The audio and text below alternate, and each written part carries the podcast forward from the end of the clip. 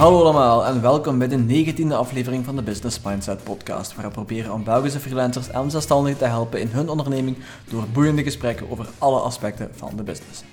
In deze aflevering hebben we het over student-ondernemers. Het statuut werd op 1 januari 2017 in het leven geroepen om het ondernemen bij studenten te promoten en om ondernemende studenten te ondersteunen in het combineren van hun studies en hun onderneming.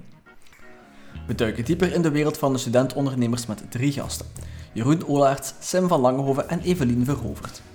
Jeroen Olaerts startte na zijn middelbare schoolopleiding als zelfstandige fotograaf met zijn bedrijf Point of View en combineerde dit met verschillende jobs bij onder andere Mediamarkt en de Sporthouse Group. Vervolgens besliste hij om opnieuw te gaan studeren en werkte vervolgens drie jaar lang als student-ondernemer.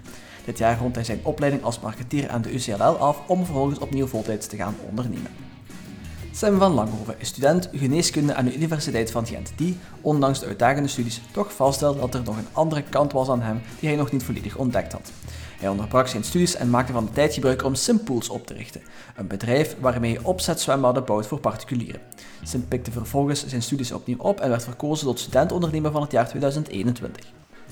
Evelien Verhoverd studeerde communicatiewetenschappen aan de Universiteit van Gent en ging vervolgens aan de slag als HR-consultant bij Robert Half. Daarna keerde ze terug naar Gent om aan de slag te gaan als projectcoördinator bij Gentrepreneur, het netwerk voor Gentse ondernemende studenten. Gentrepreneur ondersteunt studenten die willen ondernemen en biedt hen een netwerk, info, expertise, events en zelfs een studentencoöperatie waarbinnen studenten hun onderneming kunnen uitrollen. Voor meer informatie over zowel mijzelf als alle gasten kun je altijd terecht in de description van deze episode. Daar vind je opnieuw een korte bio, als ook links naar de social media accounts waar je hen kan bereiken. Dat was het laatste van mij. Hope you enjoy the episode. Nou ja, kijk, beter dan... Ja, dan- maar, ja, ja, zeker.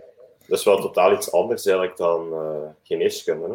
Ja, het is waar. Dus, Nou, wa- waar ligt je hart dan? Zeg je van, Oef, ah, ja. direct, directief. eh. Ehm, ja, ik denk, er is wel een reden hè, waarom dat je geneeskunde start, denk ik. ja, Die is er nog altijd. Hè. Ik merk dat ook als ik met patiënten bezig ben en dit en dat. Maar ik vind dat ondernemen toch zoiets iets heeft dat, dat, ja, dat geen enkele opleiding eigenlijk, eigenlijk heeft. En dat is dat ruime, dat is dat brede en op zoveel verschillende vlakken uitgedaagd worden. ja, dat is Dus in principe, ja, ik, ik ga sowieso mijn opleiding afronden, maar ik vind het wel heel moeilijk om, om te zeggen eh, dit of dat. En dat is ook iets dat momenteel niet echt nodig is. Want is ook, ik heb een, een traject van de komende twee jaar, waarin ik zowel mijn stages afrond als ook tijd laat om te ondernemen. Mhm. Dus eh, mocht mij binnen eh, twee jaar die vraag nog een keer stellen, en dan Ja. eh, moet ik eh, definitief eh, een antwoord te geven. Nee, nee. Het is sowieso, het is sowieso de veiligste keuze, denk ik, om nu gewoon je Ja, opleiding het af zou te een beetje stom zijn hè, om na vijf jaar eh, ja, op een jaar van Ja. afstuderen even eh, We zullen zware richting even vijf jaar dat gooien. Ja, nee, dat is ook alleen al naar mijn ouders toe ook. Eh, we, gaan dat, we gaan dat braaf afronden. Heb je nog plan om te specialiseren of dat je nog niet... eh, want nu, nu hebben die stages zo'n beetje, dus het zijn verdiepende stages. Leerde zo Ja. een beetje elke discipline kennen in de geneeskunde, gedurende een maand. Eh, en dan hoop je eigenlijk als geneeskundestudent van ergens in een discipline terecht te komen dat je denkt van, dit is het. En hier ga ik volledig voor. En nu heb ik drie disciplines achter de rug. Ehm, en ja, allemaal wel heel boeiend, maar niet zoiets dat ik zeg van, dat wil ik nu de komende 40 jaar gaan doen. Dus eh, still waiting. En. Evelien, jij, bent een, s- eh, jij be- begeleidt studenten op in Gent dan? Ja, bij ons is... Ja, dus ik werk inderdaad vanuit Gent, maar ik eh, coördineer één van de meerdere ecosystemen die er op, op Vlaams niveau zijn. Ehm, dus de. Vlaamse overheid eh, subsidieert eigenlijk verschillende steden ehm, om ondernemingszin en ondernemerschap te stimuleren bij eh, voornamelijk studenten, maar eigenlijk breder ook jongeren. En ik coördineer dat vanuit, eh, vanuit Gent. Dus wat wij doen is in samenwerking met vooral de onderwijsinstellingen en de stad eh, proberen om eigenlijk het klimaat in Gent goed te maken voor, eh, voor studentondernemers en, en alle informatie die ze nodig hebben te geven, coachings aan te bieden. Ehm, en eigenlijk proberen we zo, ja, wij organiseren evenementen waar dat de onderwijsinstellingen dan de coachings doen. Dus op die manier proberen we eigenlijk een, een geheel te vormen waar dat zoveel mogelijk eh, informatie ter beschikking is. Maar het is wel ehm, meest, eigenlijk alles wat we aanbieden is wel echt op eigen keuze. Dus het is niet dat je een traject moet instappen van A tot Z, want iedereen zijn vraag is helemaal anders. Dus ja. Sim zijn vraag verschilt van iemand anders. Dus eigenlijk is het een beetje op maat dat je kunt kiezen uit ons aanbod, wat dat voor u op welk moment dan ook het beste, het beste past. En dat is um, wel waar ik samen met, met mijn collega's dan uh, dagelijks mee bezig ben. Ja, interessant eigenlijk. Als, ja. ja. Met heel veel, heel veel verschillende verhalen. Ja, ja, en het is leuk om zo ja, verhalen te zien. Gelijk, ja, wat Sim nu, dus die verkiezing van student-ondernemer, we doen dat uh, tot de elfde keer, denk ik nu.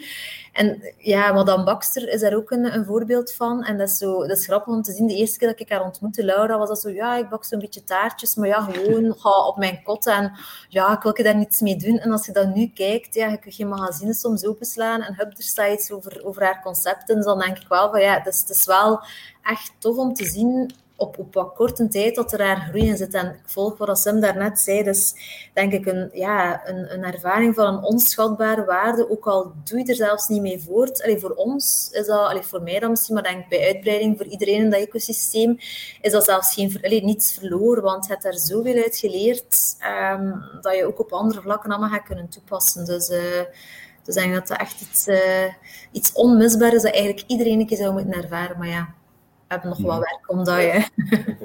omdat... Het feit dat jullie dat op die manier aanbieden is enorm drempelverlagend. Hè? Want ik kan echt eerlijk zeggen dat zonder dat systeem dat ik het nooit zou gestart zijn. Omdat het gewoon zodanig in duistertasten is en dat is zo'n ja, een, programma dat dat wel echt toelaat om voor een leek gewoon erin te stappen. En dat is, dat is het mooie natuurlijk. Hè? Dat is inderdaad, want er is, allee, dus, dus denk het klimaat bij ons ken nu geen internationale, niet veel internationale um, vergelijking, maar ik weet dat het klimaat bij ons wel, wel goed is voor, voor ondernemen en voor studentondernemerschap. Maar dat is ja, eigen aan België, denk ik dan. Er is zodanig veel informatie dat dat echt wel een, een kluwen is. En, ik denk inderdaad dat het ook wel goed is dat er die systemen bestaan om dat wat duidelijk te maken en wat wegwijs te maken. Want ja, anders is het, is het is allemaal niet zo moeilijk, maar het is wel ja, zoeken naar, naar wat moet ik nu weten? En ik voel dat zelf ook als ik dingen opzoek. Ja, vers, ja verslikt er je al in dat ik zelf soms twijfel van, hoe was dat nu niet iets anders? Dus ja, ik denk dat inderdaad wel, dat die begeleiding wel uh, belangrijk is om mensen net die een stap te doen zetten. Uh, dat ja, de studentondernemers echt kunnen focussen op dat idee op zich. Hè. Niet, op, uh, of niet alleen op alles wat erbij komt kijken. Nee, niet het uitzoeken eigenlijk. Het uitzoeken haalt hier er tussenuit om zo de, de, de opstart efficiënter te maken uiteindelijk. Wat is gelijk je zegt, het, is, het is niet zo ellendig moeilijk, hè, maar je hebt, je hebt iemand nodig die je de essentie kan, kan vertellen van, van het hele verhaal en, en je een duw kan geven in de juiste richting, denk ik vooral. Ja. het haalt de zorgen ook gewoon weg, denk ik, voor de student, zo de, de barrières. Ja, je hebt, je hebt een idee dat er altijd toegezien wordt, hè? dus dat je, je wordt echt geholpen. Hè? Um, dus ja, en je kunt ook met elke vraag terecht en uh, dit en dat. Uh, er is een platform waarop dat je al je vragen kunt lanceren, uh, die ook direct een efficiënte werking sturen. Want tot op heden gebruik ik Slack bijvoorbeeld nog altijd. Leven Slack. nee, ik vind dit zo ongelooflijk mooi. Het is misschien belangrijk om dat even toe te lichten. Dus wat, wat ik daarnet toegelicht had, entrepreneur, dus dat ecosysteem, dat is eigenlijk echt een heel breed aanbod. Maar wij hebben, waar dat onder andere Sim ook gebruik van gemaakt heeft, wel een heel specifiek traject dan wel meer. En dat is de, uh, een studentencoöperatie. Dat is um, iets dat een viertal, vijftal jaar geleden opgericht is. Uh, en daar is echt wel zo dat je niet um, opstart met een eigen ondernemingsnummer, maar dat je eigenlijk het ondernemingsnummer of btw-nummer van de coöperatie gebruikt om daaronder je eigen activiteiten uit te rollen. En dat is echt een, een begeleid concept. Dus mensen stappen daarin, kopen een aandeel, wordt dan aandeelhouder van die coöperatie, rolt je activiteiten met begeleiding uit en dan is er ja, de hele tijd je, uh, hebt een klankbord om op terug te vallen. En er is dan op bepaalde momenten, uh, als je 25 wordt, of uh, op het moment dat je afstudeert, of moest je onderneming te groot worden, dan worden ook begeleid in het uitreden uit die coöperatie. En worden eigenlijk alle um, ja, verdiensten, alle inkomsten die je verzameld hebt gedurende je tijd in de coöperatie, worden dan uitgekeerd om dan eigenlijk als startkapitaal te kunnen gebruiken voor je eigen opstart. Dus dat is een specifiek, uh, een specifieke manier naast het, het zelf opstarten als student zelfstandige, dat je, dat je ook wel gebruik van kan maken. En dat denk ik ook wel dankbaar is en ook al heel mooie, ja, mooie concepten opgeleverd heeft. Naast het concept van SIM zijn er in het verleden nogal een aantal uitgetreden die ondertussen ja, een van de grotere ondernemingen ook runnen. Dus uh, dat is ook wel een, eh, een leuke, een, een goede opstap naar ondernemerschap, denk ik. Hè. Ja, dat kan kloppen. Jaloers dat je in, in Gent bent gestart, Jeroen? ja, hier in Limburg zijn ook wel best uh, veel mogelijkheden. Misschien hier en daar wel, uh, voor mij waren ze alleszins wel anders. Zeker op, uh, op UCL hebben we dan Startminds. Ik weet niet of u daarover gehoord heeft. En dat zijn eigenlijk ook dan docenten die echt die gespecialiseerd zijn in het ondernemen, die zelf ooit geonderneemd hebben. En die begeleiden u dan eigenlijk ook. En met iedere vraag die je hebt, gaan zij u verder helpen. En zij hebben, staan ook in contact met Unizo. Mm -hmm. dus ja, ze kunnen u wel doorverwijzen. En dan hebben zij zelf ook nog partners echt, waar je echt met een specifieke vraag naar zou toe kunnen gaan. Ik zeg maar iets naar een eventuele advocaat of iets dergelijks. Al heel specifiek eigenlijk. En die gaan u dan ook verder helpen. Dus dat vond ik, eh, voor mij was dat ook wel handig, alleszins. Tuurlijk. Ik heb, dat, ik heb dat echt vaak, als ik dan bijvoorbeeld vertel, net zoals Evelien net toegelicht had, van dat systeem waarbij dat we dan uh, het eh, btw-nummer van de, van de coöperatieve vennootschap gebruiken en zo. Als ik, als ik dat model uitleg aan mensen die eigenlijk in het verleden zelf ook iets uh, ondernomen hebben, die, die luisteren en de mond valt ook en zeggen echt, wat blief, heb ik dat geweten als student, zo'n mooi traject, zoiets ongelooflijk.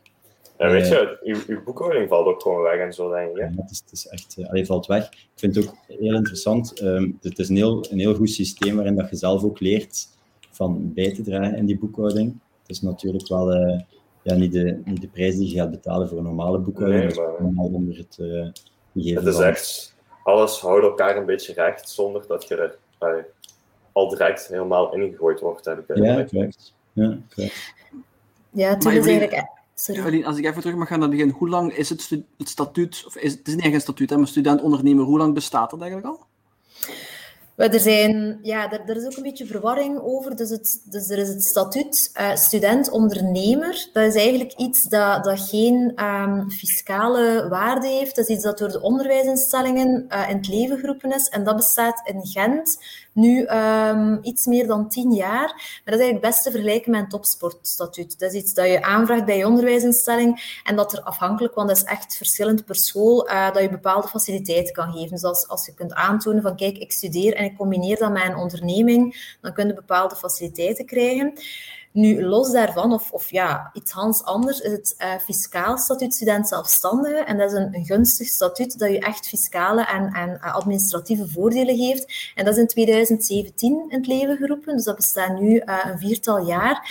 En dat is eigenlijk als um, een student die aan de nodige voorwaarden voldoet, bijvoorbeeld ja, maximum 25 jaar zijn bij een erkende onderwijsinstelling, die zijn allemaal makkelijk online na te lezen.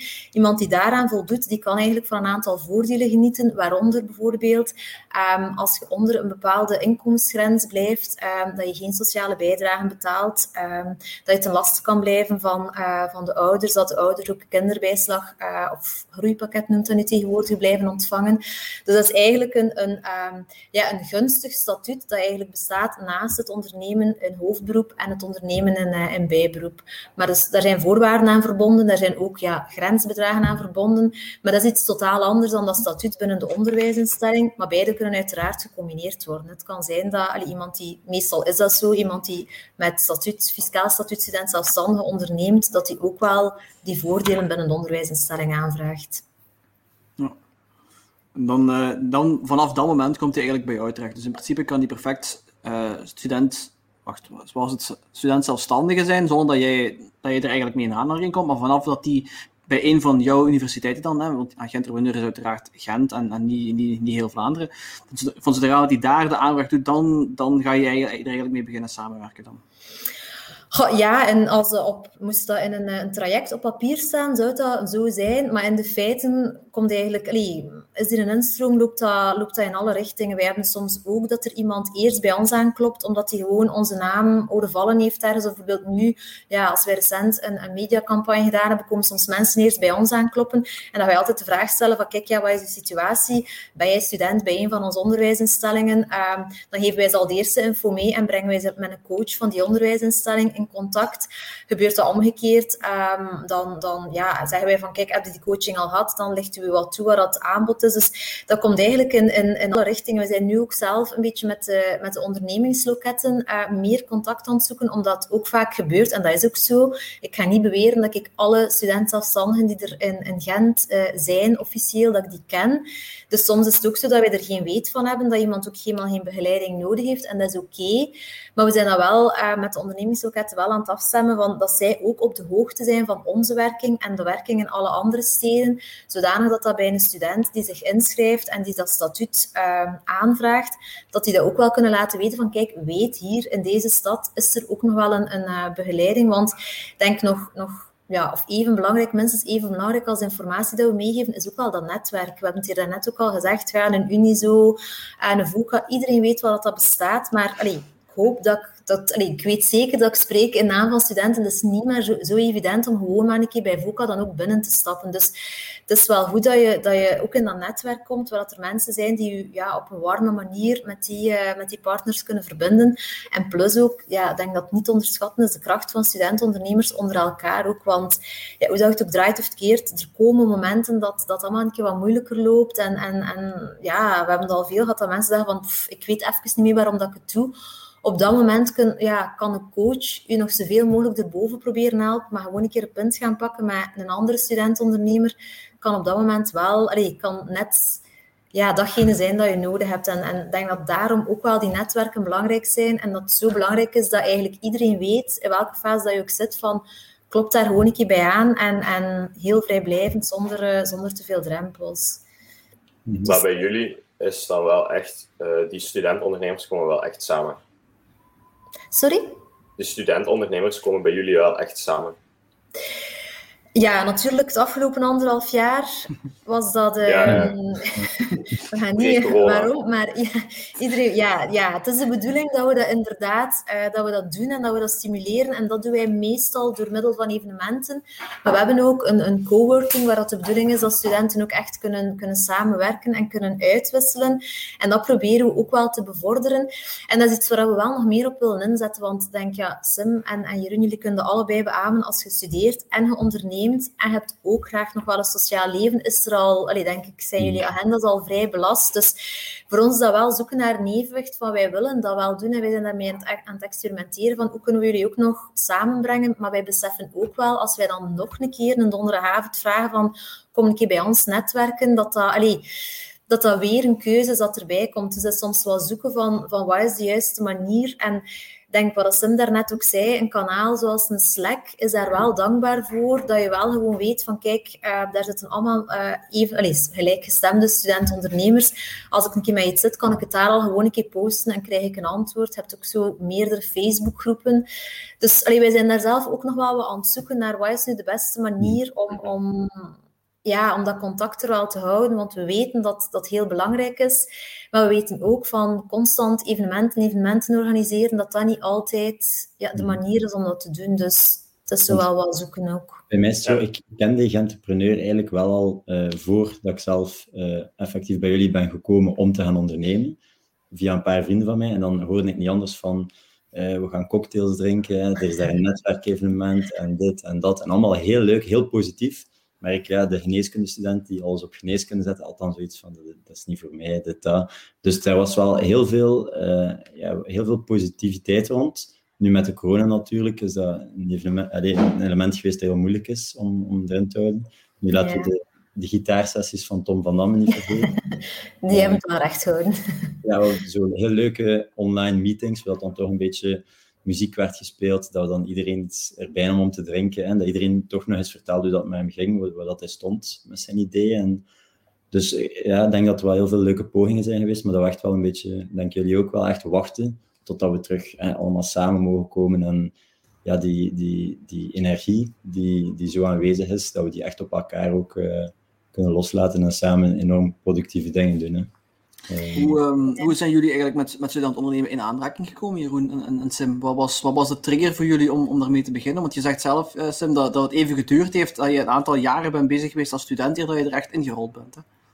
Ja, dat klopt. Ik zal het ons eerst even toelichten. Dus bij mij is de situatie gewoon, ik ben, uh, ik, ik, ben van mezelf, ik weet van mezelf, ik, ik kan niet stilzitten. Dus ik heb altijd met iets moeten bezig zijn. En de geneeskunde, ik moet zeggen, dat, dat verzadigt de mens wel. Hè. Je hebt wel genoeg om handen. Ehm, maar dan kwam er een moment waarop dat ik uh, ja, eigenlijk het gevoel had dat ik te veel op, op één element was aan het focussen. En dat was echt dus de, studie van, uh, van de geneeskunde. Dat ik voelde dat ik, ja, ik werd ook ouder en ik, ik merkte, oei, er komt gelijk minder marge voor andere mogelijkheden. Er is, er is dat ik weinig dat nog op mijn pad kan komen die, die de zaken echt enorm zouden veranderen. Of, en dat vond ik beangstigend. Dus toen heb ik eigenlijk beslist van een, eh, een, een sabbatjaar in te lassen. En dat heb ik ingepland, uh, startende met een reis naar Kyrgyzstan. En dan eigenlijk uh, van daaruit, denk ik, een vijftiental landen do doortrekken met een Engelse groep. Dus echt waar ik niemand van kende, om een keer volledig uh, weg te gaan van, van wat ik wist, ja, hoe dat hier allemaal ging. En dus echt met nieuwe, nieuwe zaken in aanmerking komen. Natuurlijk, vijf dagen voor mijn vertrek was corona daar. dus echt wel een fameuze streep door mijn rekening. En dan dus eigenlijk, ja, uh, je kunt dat niet meer terug. Je hebt, uh, hebt al een aantal maanden onderbroken. Er is een bepaald traject in de geneeskunde. Dus ik zat effectief een jaar thuis. En uh, zoals ik daarnet zei, ik kan niet stilzitten. Dus dat was geen enkel probleem voor mij om dat in te vullen. Ik ben beginnen sporten, beginnen schilderen. Ik heb van alles gedaan. Ik voelde mij fantastisch. Um, tot op het moment dat wij dus eigenlijk... dat ik naar de tuin ben getrokken en gezegd van, kijk, we hebben dat zwembadprobleem. Hè, dus al heel lang op zoek naar een, een zwembad dat op meerdere vlakken moest juist zitten. Dus zowel budgetair als uh, ja, bouwvergunningsgewijs, um, het esthetische, het functionele. En ik heb er dus echt een projectje van gemaakt. En uh, om heel kort uh, dat even toe te lichten, heb ik een, een, een bovengronds opzetzwembad. Degene die we allemaal kennen. Wel een betere kwaliteit dan die ronde waar dat je kat overloopt en dat je direct kwijt zit.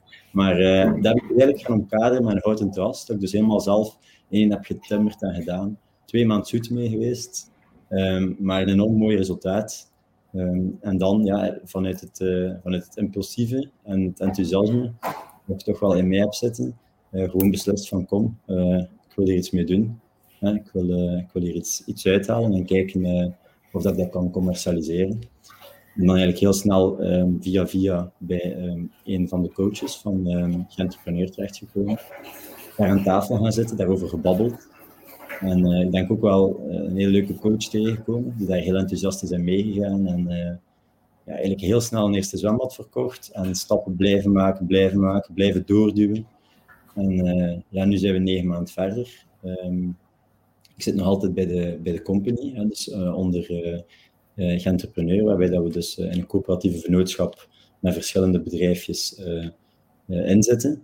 Um, maar ik denk, ja, vandaag is, is, er een moment gekomen dat, dat, dat bedrijf Simples, hè, waaronder dat de zwembaden vallen, dat het toch een bepaalde omvang heeft aangenomen en uh, dat het tijd is om, uh, om op eigen benen te gaan staan. Uh, dat is dus ook een, proces dat nu stilletjes aan in gang wordt gestoken. En ja, dat is, dat, is, dat is ergens wel mooi dat het op zo'n korte termijn gebeurt, maar ergens vind ik het ook wel een beetje spannend, hè, want zoals we daarnet besproken hebben, het is een heel mooie is een heel, mooie, ja, een heel mooi systeem die ervoor gaat zorgen dat je beschermd bent, dat je altijd bij iedereen terechtkomt. En nu is het ja, eigenlijk wel uh, tijd om uit te vliegen, om het zo te zeggen. Dus, uh, maar ja, wel heel leuk en, en heel, ik ben er heel enthousiast over. Dus, um, ja, dat is heel kort de situatie, denk ik. Um, hoe ja, ik bij nu ben terechtgekomen en hoe dat ik er vandaag, hoe dat, hoe dat ik er vandaag voor sta.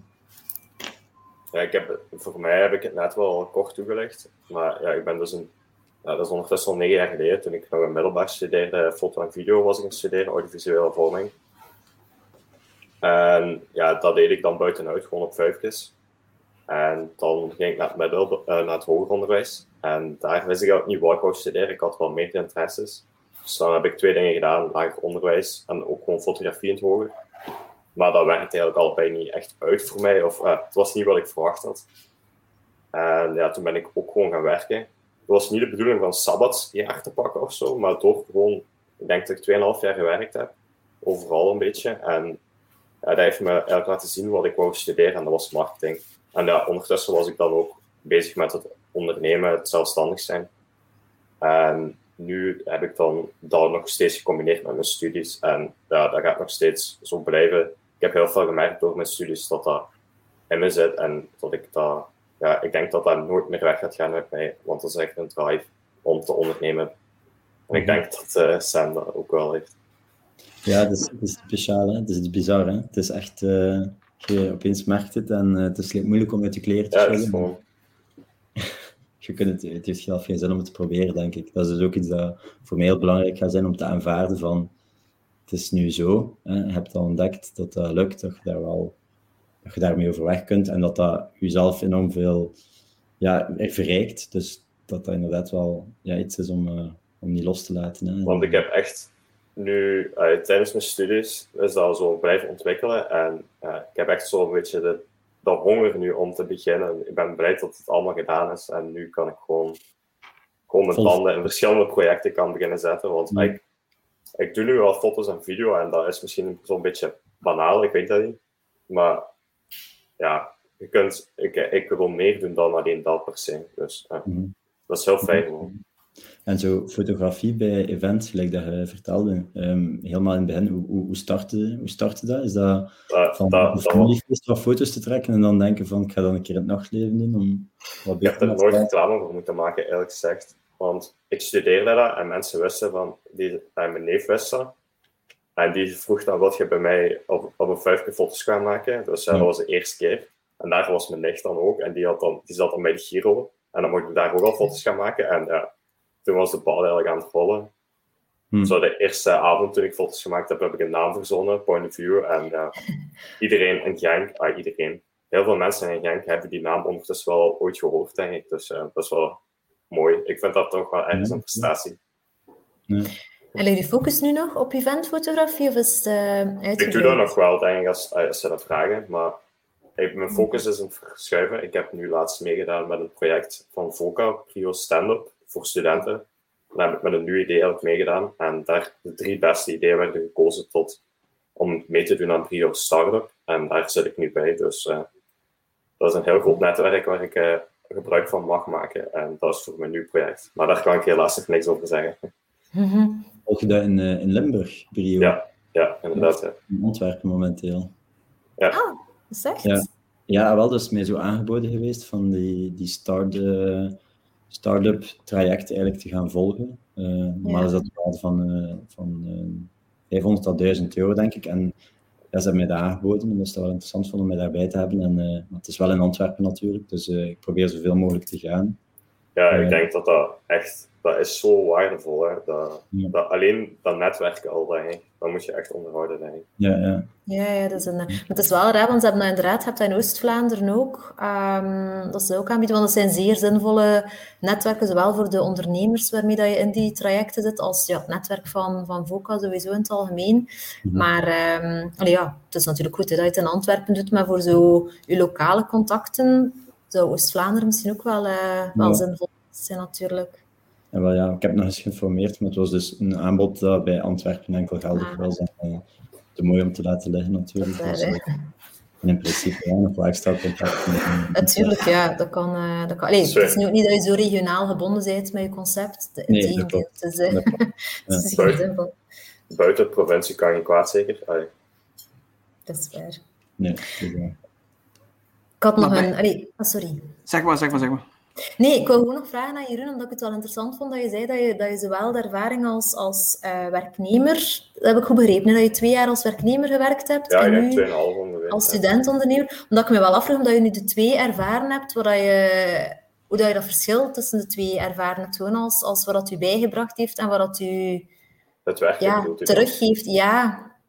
Ja, ik, ik, heb nog, ik zat eigenlijk samen met nog iemand die tegelijk met mij gestart is, die ook gewerkt had.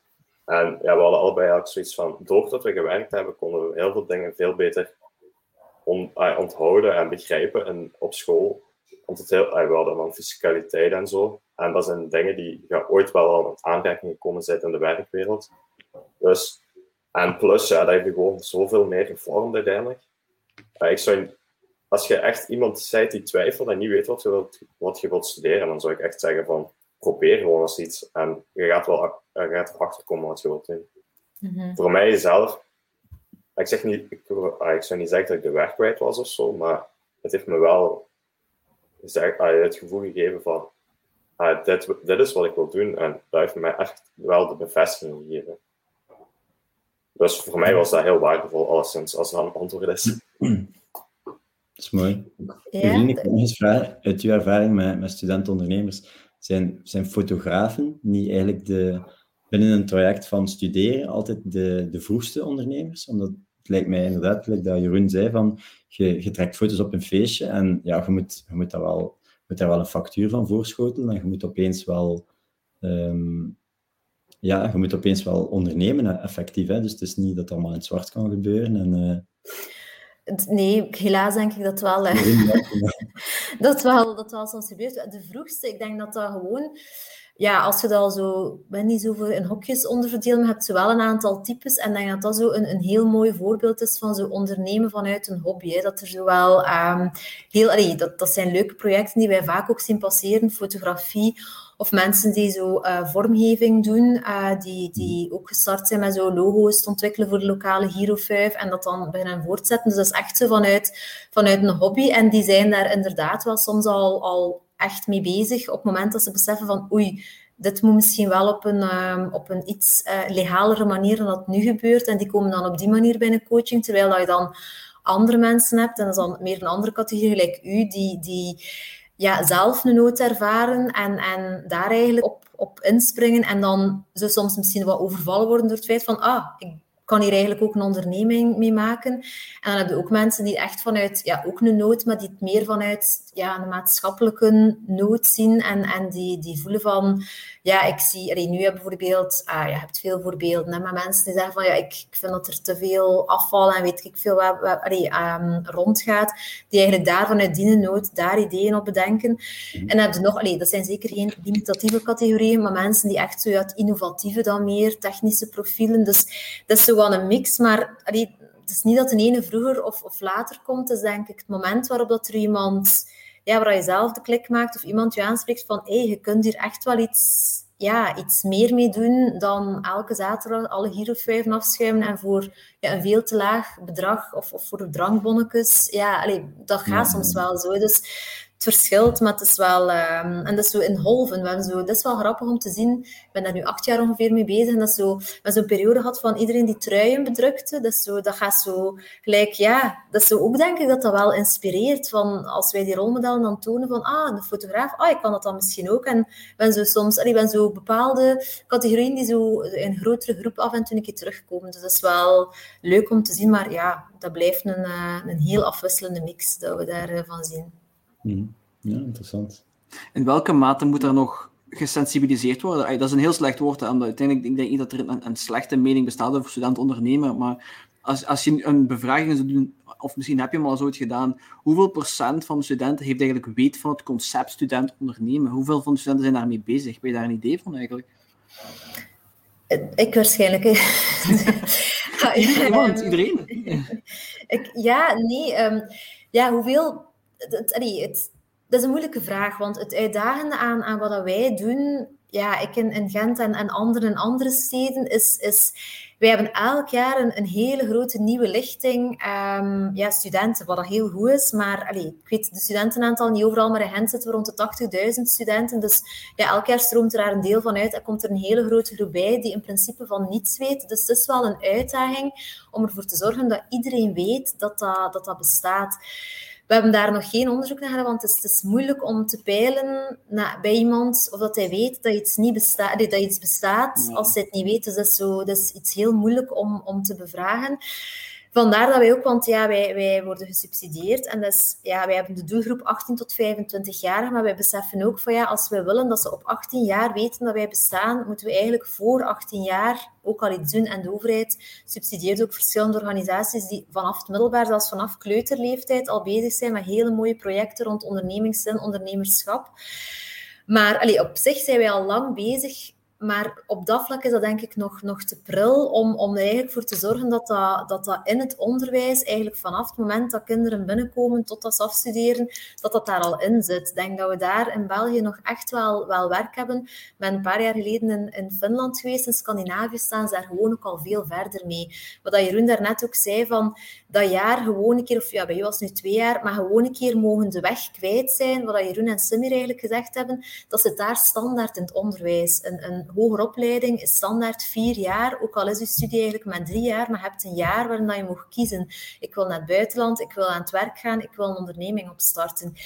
Hier is ons, we hebben een goed onderwijssysteem, ga mij zeker niet horen zeggen dat dat, dat dat niet het geval is, maar ik denk dat er, dat er heel veel ruimte nog wel is om, om meer rond die talenten wel te werken en mensen echt wel te laten zoeken ook naar, naar wat wil ik hier nu eigenlijk gestapt in, in een richting. En ja, als je na een half jaar beseft van, oh, het is toch mijn ding niet, ja, je kunt uitstappen, maar je bent wel een half jaar ja, kwijt, tenzij dat je volgende richting, ja, weet wel, aansluit en dit en dat. Dus Mhm. Dus ja, het is een uitdaging om, om te maken dat iedereen beseft. En dat dat iets is dat, dat wij niet alleen kunnen, maar dat gewoon op, op hoger niveau. Dat is nu wel onder impuls van ons werking onder andere. Zit ondernemingszin of ondernemend gedrag of ondernemend handelen, noem het, ik weet het niet. Zit echt ingeschreven in de Codex Hoger Onderwijs. Dus in principe moet elke onderwijsinstelling, eh, onderwijsinstelling en elke richting waarin dat je afstudeert, moet ervoor gezorgd hebben dat dat erin zit. Maar ik denk dat we allemaal ook weten van ja, dat is iets dat niet in steen gebeiteld is. Dus hoe dat, dat gebeurt, ik denk dat dat in de richting die SIM volgt,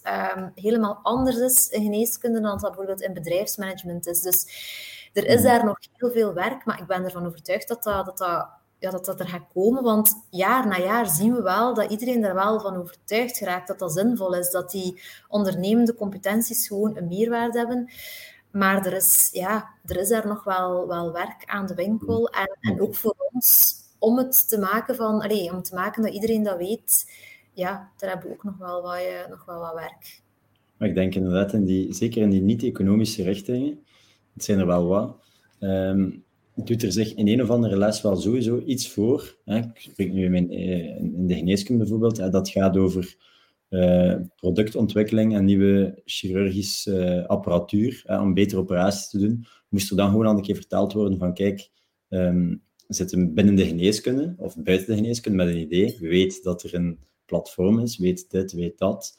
Of, of zelfs niet, niet zo specifiek, maar dat er gewoon in elke opleiding um, een, een, tweetal uur uh, iemand zou informatie komen geven over het feit dat, dat, dat er mogelijkheden zijn. Want in principe, ja, alles draait rond ondernemers. Hè. Alles wat opgericht wordt, is, zijn ondernemingen. En, uh, dus ik vind, ik vind het bijna absurd, want ik wist het niet. Tot, tot ik in het vijfde zat, wist ik niet dat, er effectief, dat het zo laagdrempelig was om, om een idee uit te werken. En ik denk dat, dat, dus dat, um, dat Jan uh, met zijn vraag over sensibilisering, dat hij daar wel echt gelijk in heeft en dat dat echt wel, dat daar, ja, dat er wel wat moeite voor gedaan zou mogen worden om dat naar iedereen te brengen, in de plaats van naar iedereen die het toevallig oppikt. Uh. Zeker, zeker. In mijn geval, uh, ik ben in het helft van het jaar gestart en ik wist eigenlijk pas in september het jaar vooral dat, dat er een statuut was ondertussen voor studentondernemers en zo. Dus ja, ik had heel die communicatie gemist uiteindelijk. Dus ja, het kon ook beter, denk ik dan. Mm -hmm. Ja, wat hoort je nog dingen van bijvoorbeeld uh, als ik dat vertel uh, aan iemand van, uh, of iemand, en nu heb ik dat wel vaak, dat mensen naar mij komen en zeggen van ik heb een idee, maar ja, ik ken dat, ik ben mijn, mijn kindergeld dan kwijt, mijn ouders moeten daar niet van weten. Dat is dan zoiets dat je gewoon direct kunt zeggen van, maar nee, als je onder een bepaald begrensd bedrag blijft dat je naar jezelf toe-eigent, um, of binnen, binnen die, die soort onderneming, hè, is dat allemaal wel mogelijk. En dus effectief, ik denk dat er zo heel veel zaken circuleren die mensen weerhouden van effectief uh, hetgeen te doen dat ze willen doen. En dat is wel spijtig natuurlijk. Hè. Dus, uh, ja, van verkeerde ideeën en omloop gewoon die niet, niet zijn hoe ze zijn, maar ja, gewoon foute informatie of niet de juiste informatie kunnen vinden, zodat ik even in het begin ook aanhaalde van er zijn zoveel dingen en niemand weet direct waar ze moeten zoeken, omdat er op zoveel websites zijn. -hmm. Ja, zeker.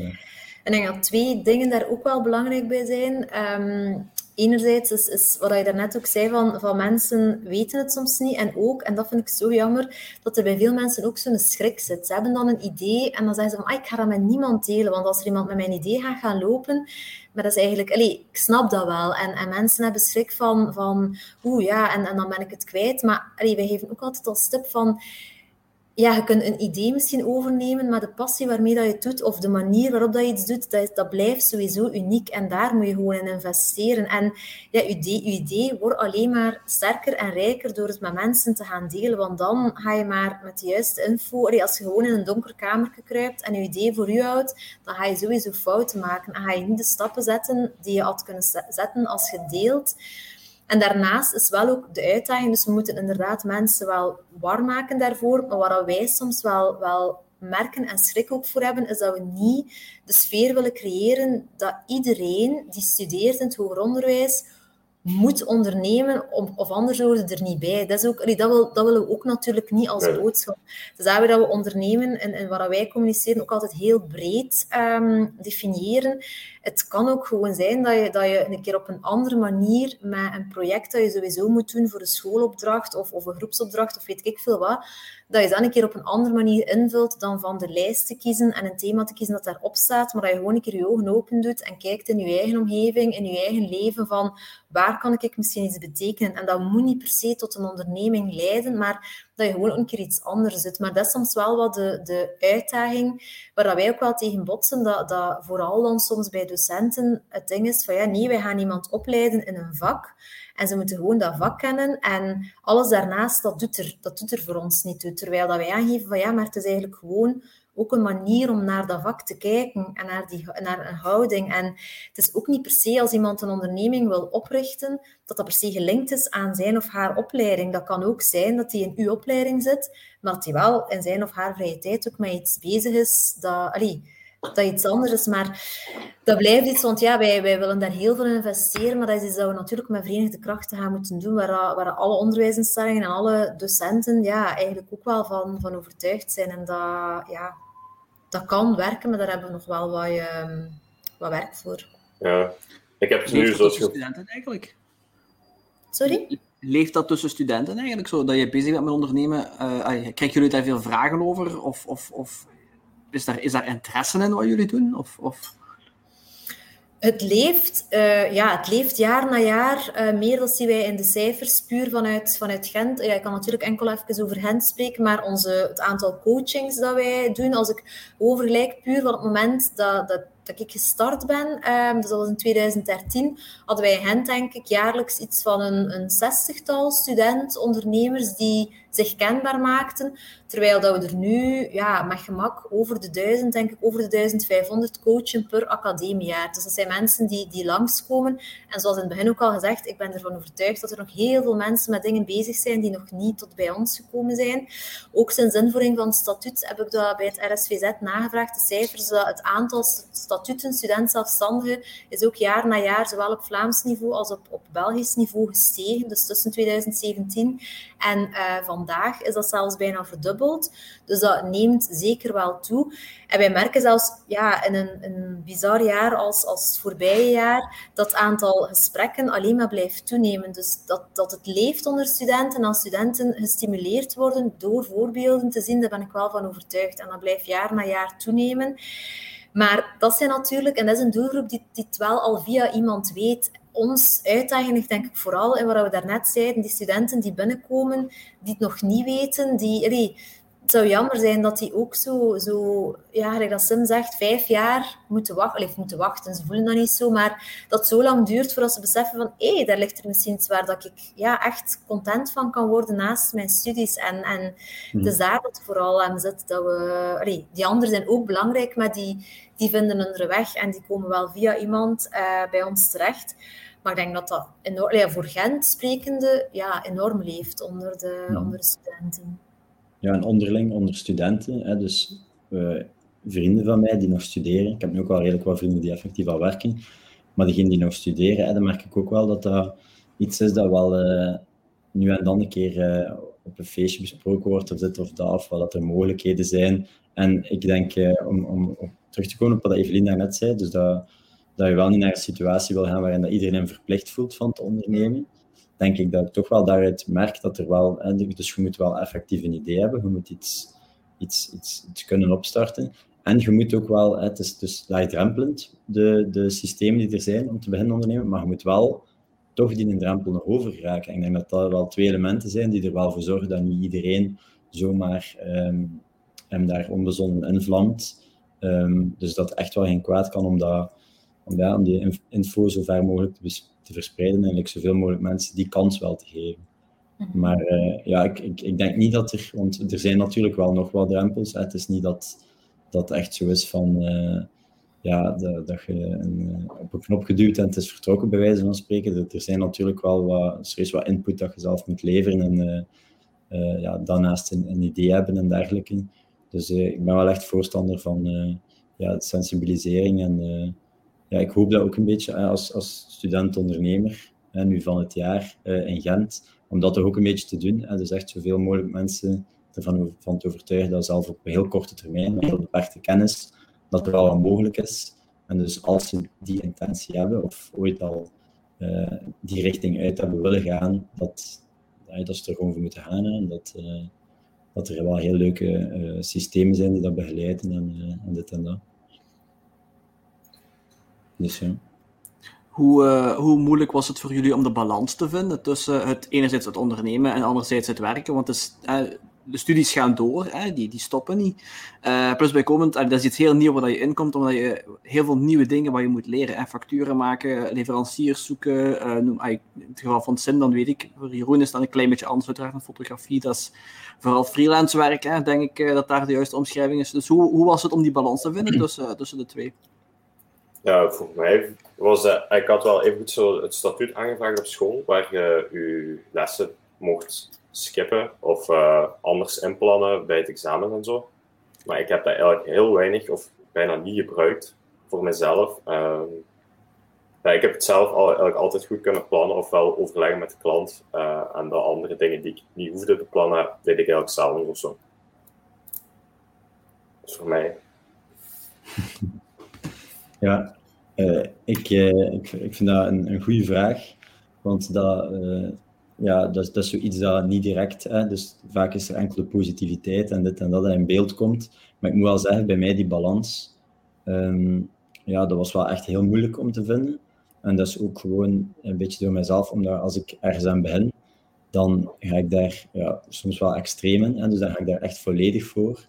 Um, en het is zo dat ik inderdaad dus op zich al een vrij druk leven had, met geneeskunde, uh, het sociale er nog bij, um, familie, vrienden vriendin um, en dan nog een keer de onderneming erbij. Dus we kwamen echt wel op een moment dat ik gewoon geen tijd meer had.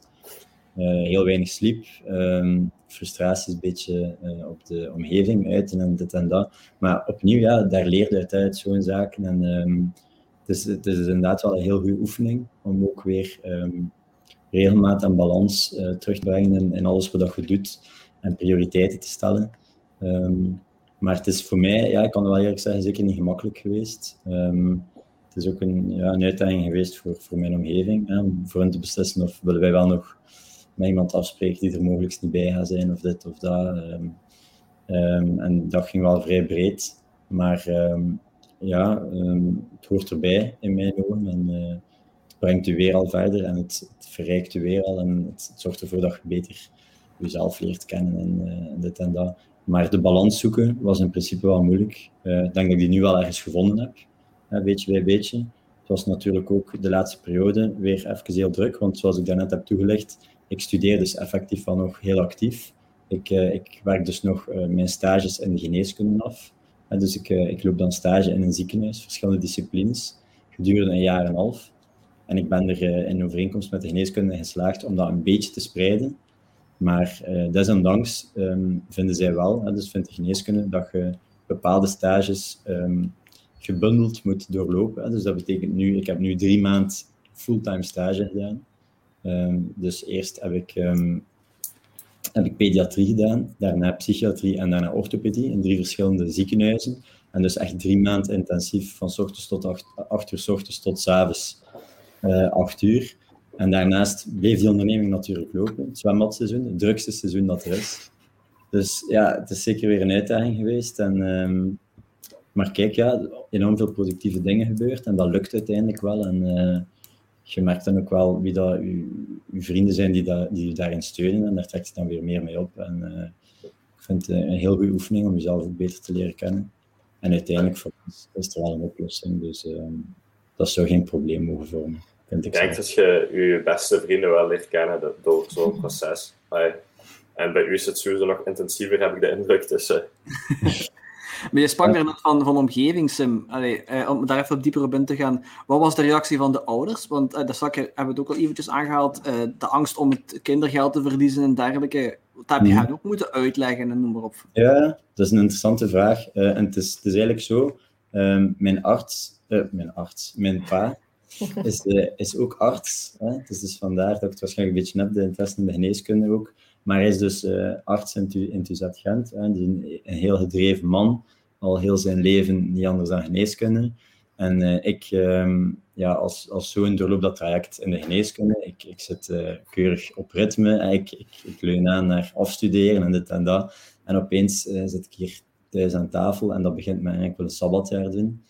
Dat was toen al van, oké, okay, dit en dat. Maar oké, okay, we zijn eruit geraakt. En dan het volgende, ik wil een onderneming starten in zwembaden. En dan, ja, ging de handen helemaal uh, achtertoe. En, uh, nee, dus uh, wel zeer kritisch. Dus zeer, zeer kritisch en bedenkelijk. Um, ja, mijn ouders hebben ook gewoon, ze hebben beide heel druk, dus ze hebben ook vrij weinig tijd gehad om mij daar initieel in te ondersteunen.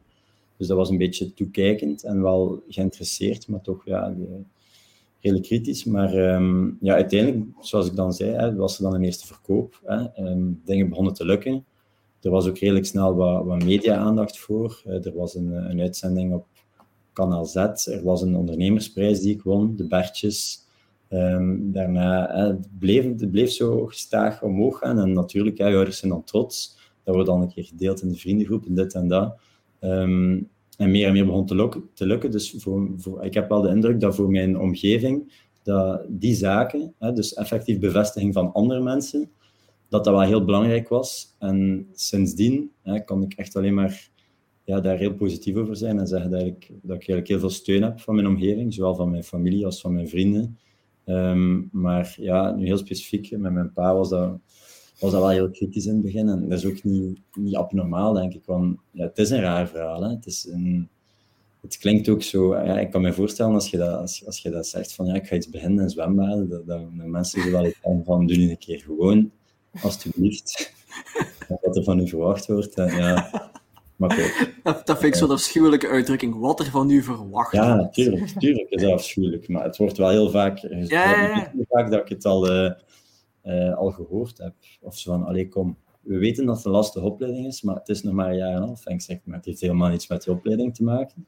Het is gewoon iets dat zich voordoet. En uh, ik heb daar ongelooflijk veel zin in. Ik voel dat dat goed zit. En ik wil mij ja, ik wil mij verrijken op meerdere vlakken en dat is mijn mogelijkheid. Dat is het moment dat ik naar op zoek was en het is hier en ik ga het doen en ik ga het bewijzen dat het lukt. En ja, met een beetje, waarschijnlijk met een beetje, de, een beetje chance, maar ook het juiste doorzettingsvermogen, zijn er wel echt heel mooie dingen gebeurd op, op negen maanden tijd. En uh, kijk ik heel hard uit naar, naar wat er nog allemaal uh, in principe We zijn nog maar negen maanden ver.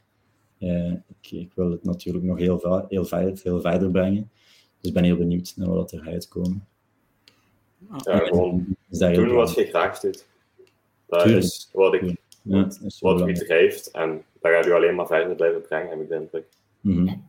En ik ben eigenlijk heel blij dat ik uh, om de een of andere manier mij toch een beetje heb kunnen losrukken uit, uit ja, het soort van ja, het voorgeschreven pad, om het maar zo te zeggen. Ik weet het niet goed. Hè? Dus je hebt, eh, de geneeskunde is heel specifiek. Hè? Dus je kunt eigenlijk, als je nu vijf jaar geneeskunde zit, dan weet je wel ongeveer hoe dat je leven er gaat uitzien.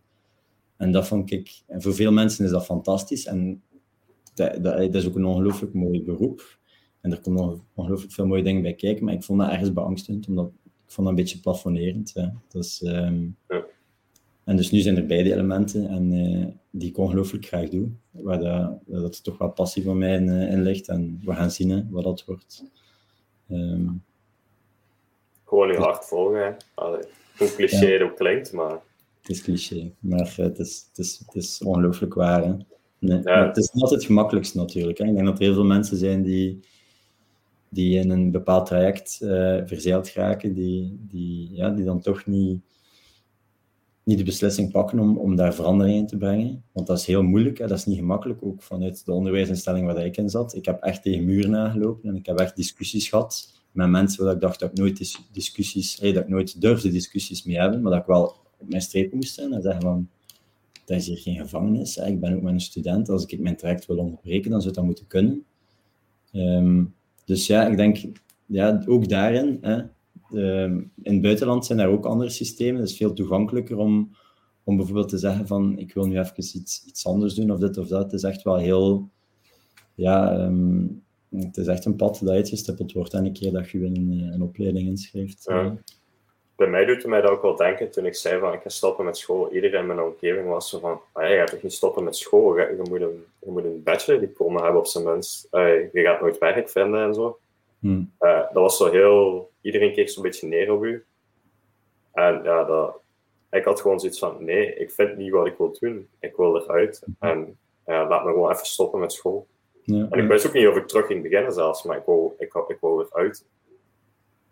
Nee, en die, die verantwoording op zich is, vraagt ook al heel veel energie. Hè? Dat is eigenlijk energie dat je kunt gebruiken voor andere dingen. Dus ik dat zelf ook wel ervaren. Maar ik kan me voorstellen, als je effectief communiceert naar je omgeving van ik stop ermee, ik ga er vol voor, Hè? Is echt wel... Um, het is nog iets anders waarschijnlijk dan hetgeen dat ik uh, uitgelegd moest krijgen. Ja, het is wat, ik niet gezegd heb. Ik speelde toen ook met een ondernemingsidee samen met iemand anders, maar die, zat toen, die had dan uh, een hele andere situatie nog en die heeft op het laatste moment eigenlijk afgehaakt. Maar uh, ik had me ondertussen al uitgeschreven op school en zo, dus ja, dan hm. zit je daar hè, en dan gaat je werken. Hm. Dat is ook ondernemen in mijn ogen een beetje van, ja, gewoon een plan trekken, denk ik dan. Als je dan aan je omgeving kunt bewijzen van, uh, die, die eerst zo kritisch was, dat, dat je effectief wel lukt en dat je effectief goede dingen zijn aan het doen, ik denk dat dat des te meer deugd doet. Hè? Ja, ook gewoon dat ik nu toch nog afgestudeerd ben, dat, is, dat, dat betekent voor mij ook gewoon van, ik ben niet dom of zo. ja. ja. Want dat, dat beeld heb ik, ah, dat idee had ik wel, dat mensen zo een beeld hebben van mij van, ah, je, je kunt geen bachelor gaan of zo. Hmm. Ja, het is eigenlijk jammer, hè, dat dan zo... Ja, maar ik heb, denk wel dat er nog veel mensen zo denken, helaas. Ja. Wel dat het niks wil zeggen, hè. Ja, het is een, een systeem hè, waar dat we eigenlijk in zitten en dat er echt heel, heel hard gekeken wordt naar, naar je opleiding, terwijl dat, ik denk, een heel groot deel van de mensen die later een job gaan uitoefenen, die eigenlijk gewoon niets met een diploma doen. Ehm, maar ja, het is, het is, het systeem hier, like dat is. En, uh, mogelijk zijn ja, de perceptie van een diploma is nog altijd heel, heel enfin, dat dat belangrijk is, wil ik zeggen, dat dat nog altijd heel, heel groot is. Terwijl, wat je zelf net zegt, Sim, uh, dat is helemaal juist. Ik heb zo een statistiek gehoord, nu ik weet niet of het juist is, ik, heb het nergens, ik kan het niet verifiëren of zo, uh, maar de statistiek was dat 80% van de studenten die in Leuven sportkot gingen doen, dat die in de hmm. bank- en de, en de financiën sector terechtkwamen. Wat toch wel iets compleet anders is, uiteraard. Hè. Uh, nu, ik weet niet of het, of het effectief zo'n hoog cijfer is, uiteraard, maar ik kan me wel voorstellen dat, dat, dat er niet zo heel veel professionele trainers en fitnesscoaches in België rondlopen die, uh, die effectief in, in uh, zo'n zo'n diploma hebben gehaald. Uh, en ik, ik kan ook uit eigen ervaring zeggen, de helft van mijn vriendengroep is ook allemaal met, met mij begonnen op universiteit, mm. met, met, met hun studies. En de helft heeft het diploma nooit afge afgemaakt. En die hebben allemaal perfect werk, geen enkel probleem. Niemand mm. die zich vragen bij stelt bij, bij ja, bij, bij wat zij wel of niet gestudeerd hebben eigenlijk. Dus uh, ja, die perceptie is er nog wel altijd, denk ik, helaas. En, en we, moeten daar, uh, we, moeten daar, we moeten daar vanaf, maar dat, dat, is iets wat, wat lange tijd gaat duren dat het heel opgelost gaat zijn, vrees ik. Ja, maar hierdoor, uh, mensen studeren soms ook gewoon iets om dat diploma te hebben, waardoor ze iets gaan doen wat ze niet graag doen voor de rest van hun leven. Ja, maar het probleem is dat je dat ook vaak niet weet, hè, Jeroen. Allee, ja, mijn, om een heel concreet voorbeeld te geven, mijn vriendin bijvoorbeeld, die, die geeft al, al x aantal jaar met, met heel veel passie les. Maar recent is het ook zo'n beetje een, een, een, ja, een plafond, eigenlijk, bij wijze van spreken. Dat is een beetje hetzelfde wat, wat Sim net omschreef. Van, ja, kijk, moet ik dit de rest van mijn leven nog doen? Ja. Nee, maar daar is ook niks mis mee. Maar er wordt wel naar gekeken alsof Inderdaad. En die ruimte is er daarom niet. En dat heeft daarom in, in mijn ogen niet noodzakelijk iets te maken met student ondernemen, maar wel met, met de tunnelvisie die, die er nog altijd is. Van kijk, dit is, dit is het traject, blijf op het pad. Hè? Wat, wat, ik weet niet meer hoe Sim het juist zei, doe eens normaal of, of, of doe wat, u verwacht wordt, uh, wat er van u verwacht wordt. Ik, ik, ja, dat, dat, dat, dat is niet meer. Dat is niet meer. Mm -hmm. ik, denk, ik denk dat het een illusie is um, die mensen hebben, dat je, dat je op dit moment, anno 2021, van je start tot het einde van je carrière de, dezelfde job doet. Ik denk niet dat dat nog kan, dat dat nog heel weinig het geval is. Puur omdat we zo snel moeten schakelen, uh, sectoren verdwijnen, komen erbij, nieuwe dingen, bitcoin, daar had tien jaar geleden nog nooit iemand van gehoord. Ik bedoel, om er iets te zeggen. Uh, en ja, die, die, die snelheid, die, die, die, ja, dat snel kunnen schakelen, dat hebben we nog niet in onze vingers, denk ik. En dat, is, dat heeft veel te maken met, met hoe dat de afgelopen 300 jaar gelopen is, volgens mij.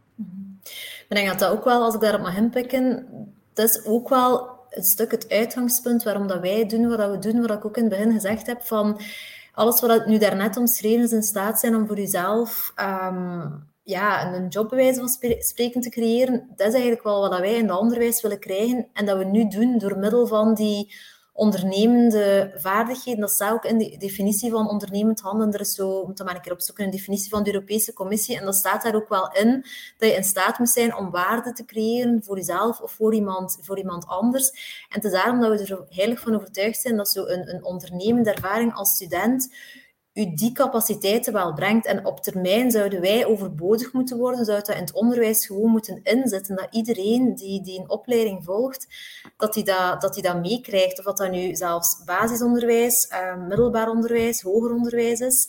Nu, ik volg ergens wel zo die, die hokjes, want ik ben ook een voorbeeld van... Ik heb ook een, een master uh, diploma, maar ik werk ook totaal niet... Allee, ja, dat was een vrij brede vorming.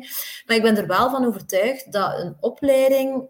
Um, u wel andere dingen bijbrengt. Natuurlijk heb je heel specifieke um, opleidingen tot een bepaald vak. Dat is iets anders. Maar zo die heel brede opleidingen, die vormen u voor een stuk ook wel. Allee, in mijn geval dan een universitaire opleiding daagt u wel ook uit om, om een planning te maken, om, om in staat te zijn om dingen ja, van een grote pak te herwerken tot, tot ja, pasklaar antwoorden. Dus ik ben er wel nog altijd van overtuigd dat, dat een opleiding op zich ja, echt wel, wel zijn, zijn nut kan hebben. Maar ik vind wel dat het toegankelijker zou moeten zijn. Ik vind dat dat nu dat er helemaal geen diverse um, doelgroep of de diverse groep in de hoger onderwijsinstellingen zit. Dus dat dat veel toegankelijker zou moeten zijn.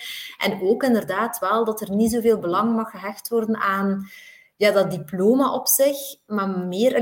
Nu vind ik meer, is, is er heel veel belang aan dat, aan dat eindresultaat. Hup, het is dat diploma en het is gedaan, terwijl dat ik denk dat er in het traject daarna, die drie tot, ja, wat is het, acht, negen jaar, dat mensen bij ons zijn, bij wijze van spreken, dat we daar veel meer in, in zouden kunnen, kunnen doen en daar veel meer in zouden kunnen steken dan alleen maar leiden naar dat eindpunt dat diploma. Dus allee, ik zeg niet dat dat op dit moment niet is, maar ik denk dat er daar nog wel meer, meer mogelijkheden in zitten. Het ding bij die opleiding is ook wel, doordat dat zo vroeg gestimuleerd gaat worden, dat kunnen je eerste kanten ook gewoon zijn. Hè. Ik denk voor mezelf, iedereen die ik nu in mijn klas gezeten heb, daar kan ik foto's of een video voor gaan maken. Dat zijn door ah, ja, ja, al zo vroeg mee. En ook de leerkrachten die brengen je in een bepaald netwerk. Dus dat is ook gewoon een meerwaarde van een opleiding, denk ik. Ja. Ja, het is natuurlijk ook vroeg gewoon. Hè. Je wordt heel vroeg voor een keuze gesteld, die dan vaak specifiek is. Uh, en ik weet, ja, het, is heel moeilijk om, om daar... Uh, ja, je kunt moeilijk in, in, nog een eerste jaar algemeen, waarin dat je wat van alles krijgt, dan wordt het ook volgens mij een beetje... Iets, ik heb dat ooit als idee gehad, inderdaad. Ik had, ik had dat zelf ook als 18-jarige, ik wist dat echt niet. Ik wist echt niet wat ik moest doen. En dan mm -hmm. zo noemt dat, ja, bij mij, maar ja, ik spreek al van ja, een tijdje terug, noemde nog zo PMS, maar dat is nu zo CLB zeker.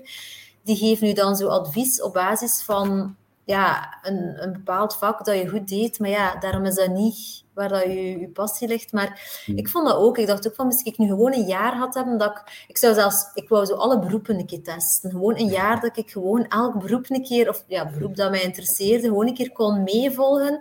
En dan een keer kon zien. Maar dat je gewoon inderdaad zo een keer kunt proeven van wat, wat ligt er mij nu eigenlijk. Want, allee, met alle respect voor de brochures die gemaakt worden, maar op basis van een brochure gaan, mocht dat zo naar die infodagen gaan. En dan krijg je zo alle brochures van je hand. Maar dan, ja, dan lezen dat, dan ten helft van de woorden dat daarin staan, ja, over ECTS, fiche, wat is dat allemaal, dat, ja, dat, dat versta je dan al niet. Dus dat is zo, ja, er zit daar nog ergens, ik volg dat wel. En ik had dat zelf ook, en dat is ondertussen een tijdje geleden, dat je zo niet, 18 is gewoon vroeg om zo, ja, die keuze te maken die toch ergens wel, niet, misschien niet bepalend is, maar toch wel ja, een richting heeft aan, aan ja, hoe dat er de komende jaren er gaan uitzien. Dus, mm -hmm. maar ja. Het zou, het, het zou makkelijker zijn als je kunt, uh, je keuze kunt baseren op een ervaring, maar dan moet ja. je dat al doen. Hè. Ja, dat is misschien nog een leuk idee om, om, een ervaringsjaar in te schakelen, dat je zo uh, elke twee maanden iets anders kunt doen, bij wijze van spreken. Dat zou misschien nog wel een leuk concept zijn om op te zetten. Idee voor een, uh, voor een, voor een ondernemer die zich ambitieus, uh, ambitieus voelt. Je mag wel heel ambitieus zijn om, om het onderwijssysteem uit te dagen. Vooral naar financiering van zo'n jaar en zo. Ja. Ja, kijk, wie niet wacht, niet wint. Hè. Het is niet het eerste start-up idee dat hier uh, uit, uit de podcast naar, uh, naar buiten vloeit. Uh, maar tot nu toe, voor zover ik weet, nog geen enkel echt opgepikt. Dus ja, wie weet. ik, ik, was even terugkomen op iets wat, wat dat al even aanhaalde. ik veronderstel dat er, dat er dus een, een onderwijs, ik ga het een onderwijsinstelling noemen zoals, zoals Gentrepreneur, niet helemaal juist uiteraard, maar uh, een, instantie zoals Gentrepreneur ondersteunt studenten, probeert hen vooruit te helpen. Maar uiteraard heb je voor een stuk ook nog de, de hulp van uh, de administratieve dienst en van de proffen en dergelijke ook nodig. Uh, en ik veronderstel dat sommigen ehm, daar meer toe bereid zijn of meer toe open naar, staan. Bijvoorbeeld, straks zeiden we al, de, de, de uh, boekhoudkunde of de proffen ondernemerschap, die zullen daar ongeveer ongetwijfeld iets meer in ondersteunen dan bijvoorbeeld iemand uh, die biologie geeft, bijvoorbeeld. Dus ik vroeg me eens af of jullie tijdens jullie traject ook, ook hinder en vrevel hebben ondervonden van, ja, van, van mensen die eigenlijk, uh, ja, die eigenlijk zouden moeten helpen. Goh, in, mijn, in mijn opleiding zelf heb ik niet echt toenadering gezocht bij proffen, omdat uh, dat zij mij weinig konden vertellen, denk ik. En ze nee, maar ze moeten bijvoorbeeld wel, ik denk bijvoorbeeld examens uitstellen en dat soort zaken, daar moeten ze ook begrip voor tonen. Hè. Ze moeten ook alternatieve opdrachten geven, eventueel. Uh, maar dat soort zaken moet je ook met hun kunnen bespreken, natuurlijk. Hè. Mm -hmm. Ja, um, ik heb daar in principe weinig ervaring mee, omdat bij mij dus na het onderbreken was, voor een jaar, dat ik dus die onderneming ben gestart. Nu zit ik wel terug in een traject waarin dat ik terug actief ben binnen de geneeskunde. En omdat ik weet dat het zo gevoelig ligt, uh, want uh, ik heb effectief toen tegen muren gelopen en dat is effectief wel een serieuze discussie geweest om te onderbreken, um, heb ik dat nog niet gevraagd. Dus probeer ik eigenlijk gewoon maar elke deadline te, te, te respecteren en uh, binnen dat traject. Um, maar in principe, als student-ondernemer kun je wel bepaalde aanvragen doen. het, is, het is effectief, want ik heb het al zien staan bij examens, dat als je reden geeft om waarom dat je een examen niet zou kunnen deelnemen, student-ondernemerschap, dus ik, uh, ik denk wel dat daar mogelijkheden zijn. Ik heb er zelf geen ervaring mee. Misschien uh, heeft, uh, heeft Jeroen daar ervaring mee. Ja, bij ons zijn de, de meeste leerkrachten zijn zelf ooit zelfstandig geweest of nog zelfstandig. En die zijn er heel flexibel in. Er hmm. zijn ook leerkrachten die dat niet zijn. En die zijn gek, ah, niet, niet gek genoeg eigenlijk er minder flexibel in. Dus ja, dat, dat doet ook wel iets. Mm -hmm. de achtergrond. Denk dat dat inderdaad, allee, dat dat wel, daarom dat ik dat heel in het begin ook geschetst heb, dat is een belangrijk verschil tussen statuutstudent zelfstandige en statuutstudent ondernemer. Dat statuutstudent ondernemer binnen de onderwijsinstellingen, dat is niet iets dat echt afdwingbaar is. Die faciliteiten ja, zijn er en, en per onderwijsinstelling wordt er wel een set van faciliteiten op punt gezet van kijk, dat kan. Maar geen enkele docent of prof kan gedwongen worden, of gezegd worden van kijk, en je moet dat nu toestaan. Dus dat is iets dat, dat inderdaad, zoals jullie alle twee gezegd hebben, wel echt afhangt van, van de persoon die je tegenover u hebt staan. En, en mijn ervaring leert dat wij daar al heel positieve ervaringen mee gehad hebben. We hebben zelfs op, op niveau van, van Artevelde Hogeschool is er een systeem dat studenten die een eigen, onderwijs, eh, een eigen uh, onderneming hebben, stage kunnen lopen in een eigen bedrijf. Dus dat ze eigenlijk tijdens een stageperiode, dat ze dat in het eigen bedrijf kunnen doen. En dat, dat, ja, dat heeft wel wat voeten in de aarde, hoe zeg je dat? Altijd gevaarlijk van die, uh, van die uitspraak, maar dat zo is. Um, dat, uh, ja, dat, dat kan natuurlijk, ja, dat moet normaal een stagementor zijn van het bedrijf. Maar ja, als dat iemand is die een eenmanszaak is, dus dan wordt er dat wel. Maar dat is, dat is echt wel, dus dat is een heel mooi voorbeeld van. Dan worden daar externe promotoren, en hoe noem het allemaal, voor gezorgd, of externe stagementoren liever, die dat dan extern gaan beoordelen, zodanig dat die student eigenlijk drie maanden lang zijn stage in zijn eigen bedrijf kan doen, krijgt dan specifieke opdrachten. Ja, dus dat zijn echt supermooie voorbeelden. Het omgekeerde heb ik ook al gehoord, een student architectuur die... Um, ja, zo, zo tiny houses uh, maakte en die moest maquette afleveren voor een examen. Die kon dat niet op tijd doen, omdat hij dus een tiny house, zijn prototype af aan het werken was in het buitenland. En die is dus gebuist en die had gezegd van ja, maar ik was... Allee, dat is toch geen betere maquette dat ik kan maken dan, dan een prototype?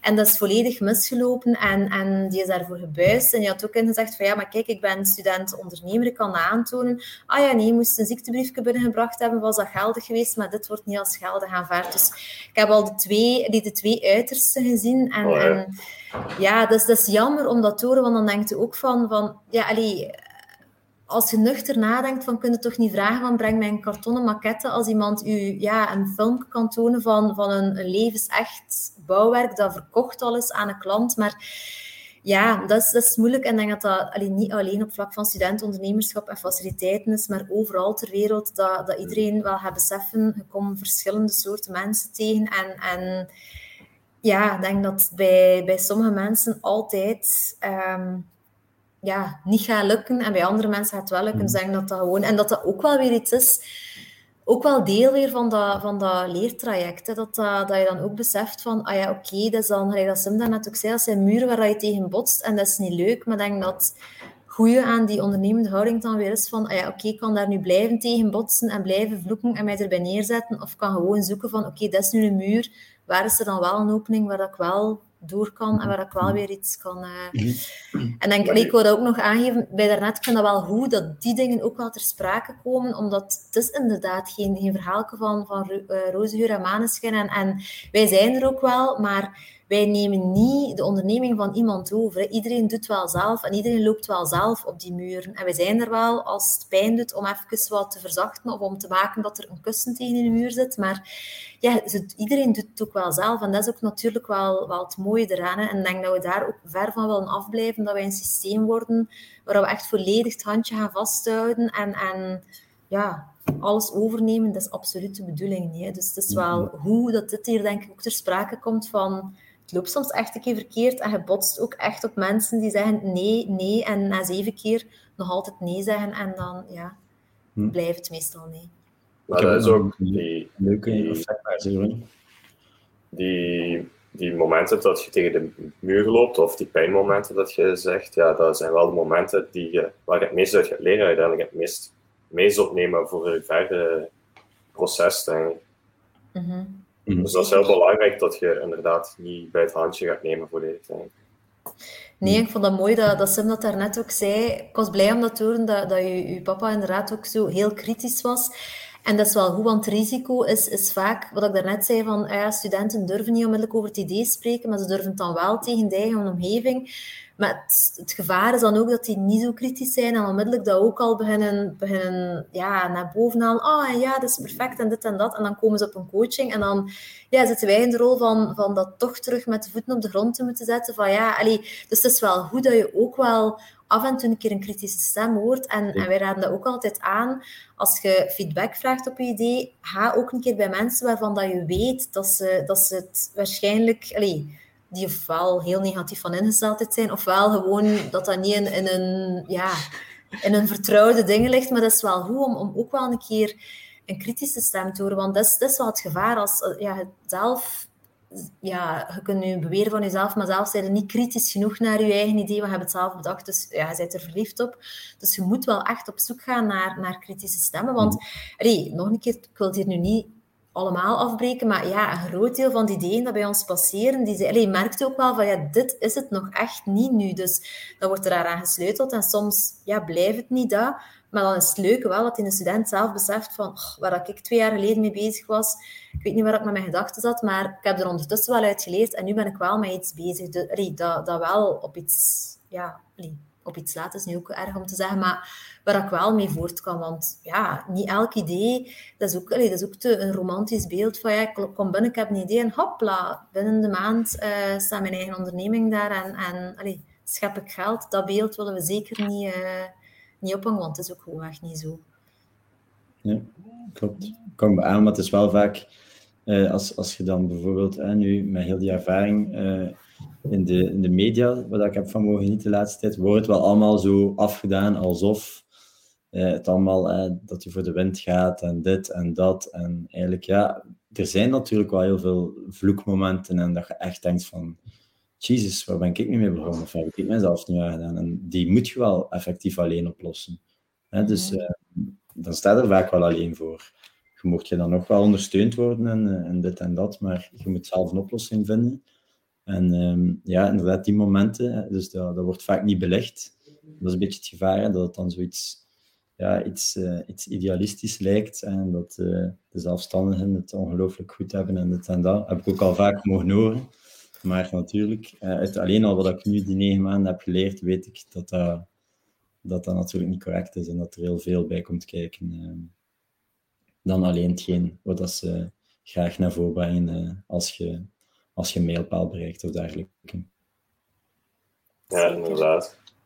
Maar Evelien, wat u ook zegt, is ook... Uh, ik denk dat het goed is dat de mensen erachter komen dat een idee niet goed is of verbetering nodig heeft. Want als u gewoon gaat zeggen, ja, dat is geen goed idee, ja, dat is misschien om nooit meer te beginnen met ondernemen. Dus uh, ik denk ja, nee. dat mensen zeker aangemoedigd moeten blijven. Ah, positief, oh, niet, niet, ja, eerder optimistisch misschien kijken naar dingen.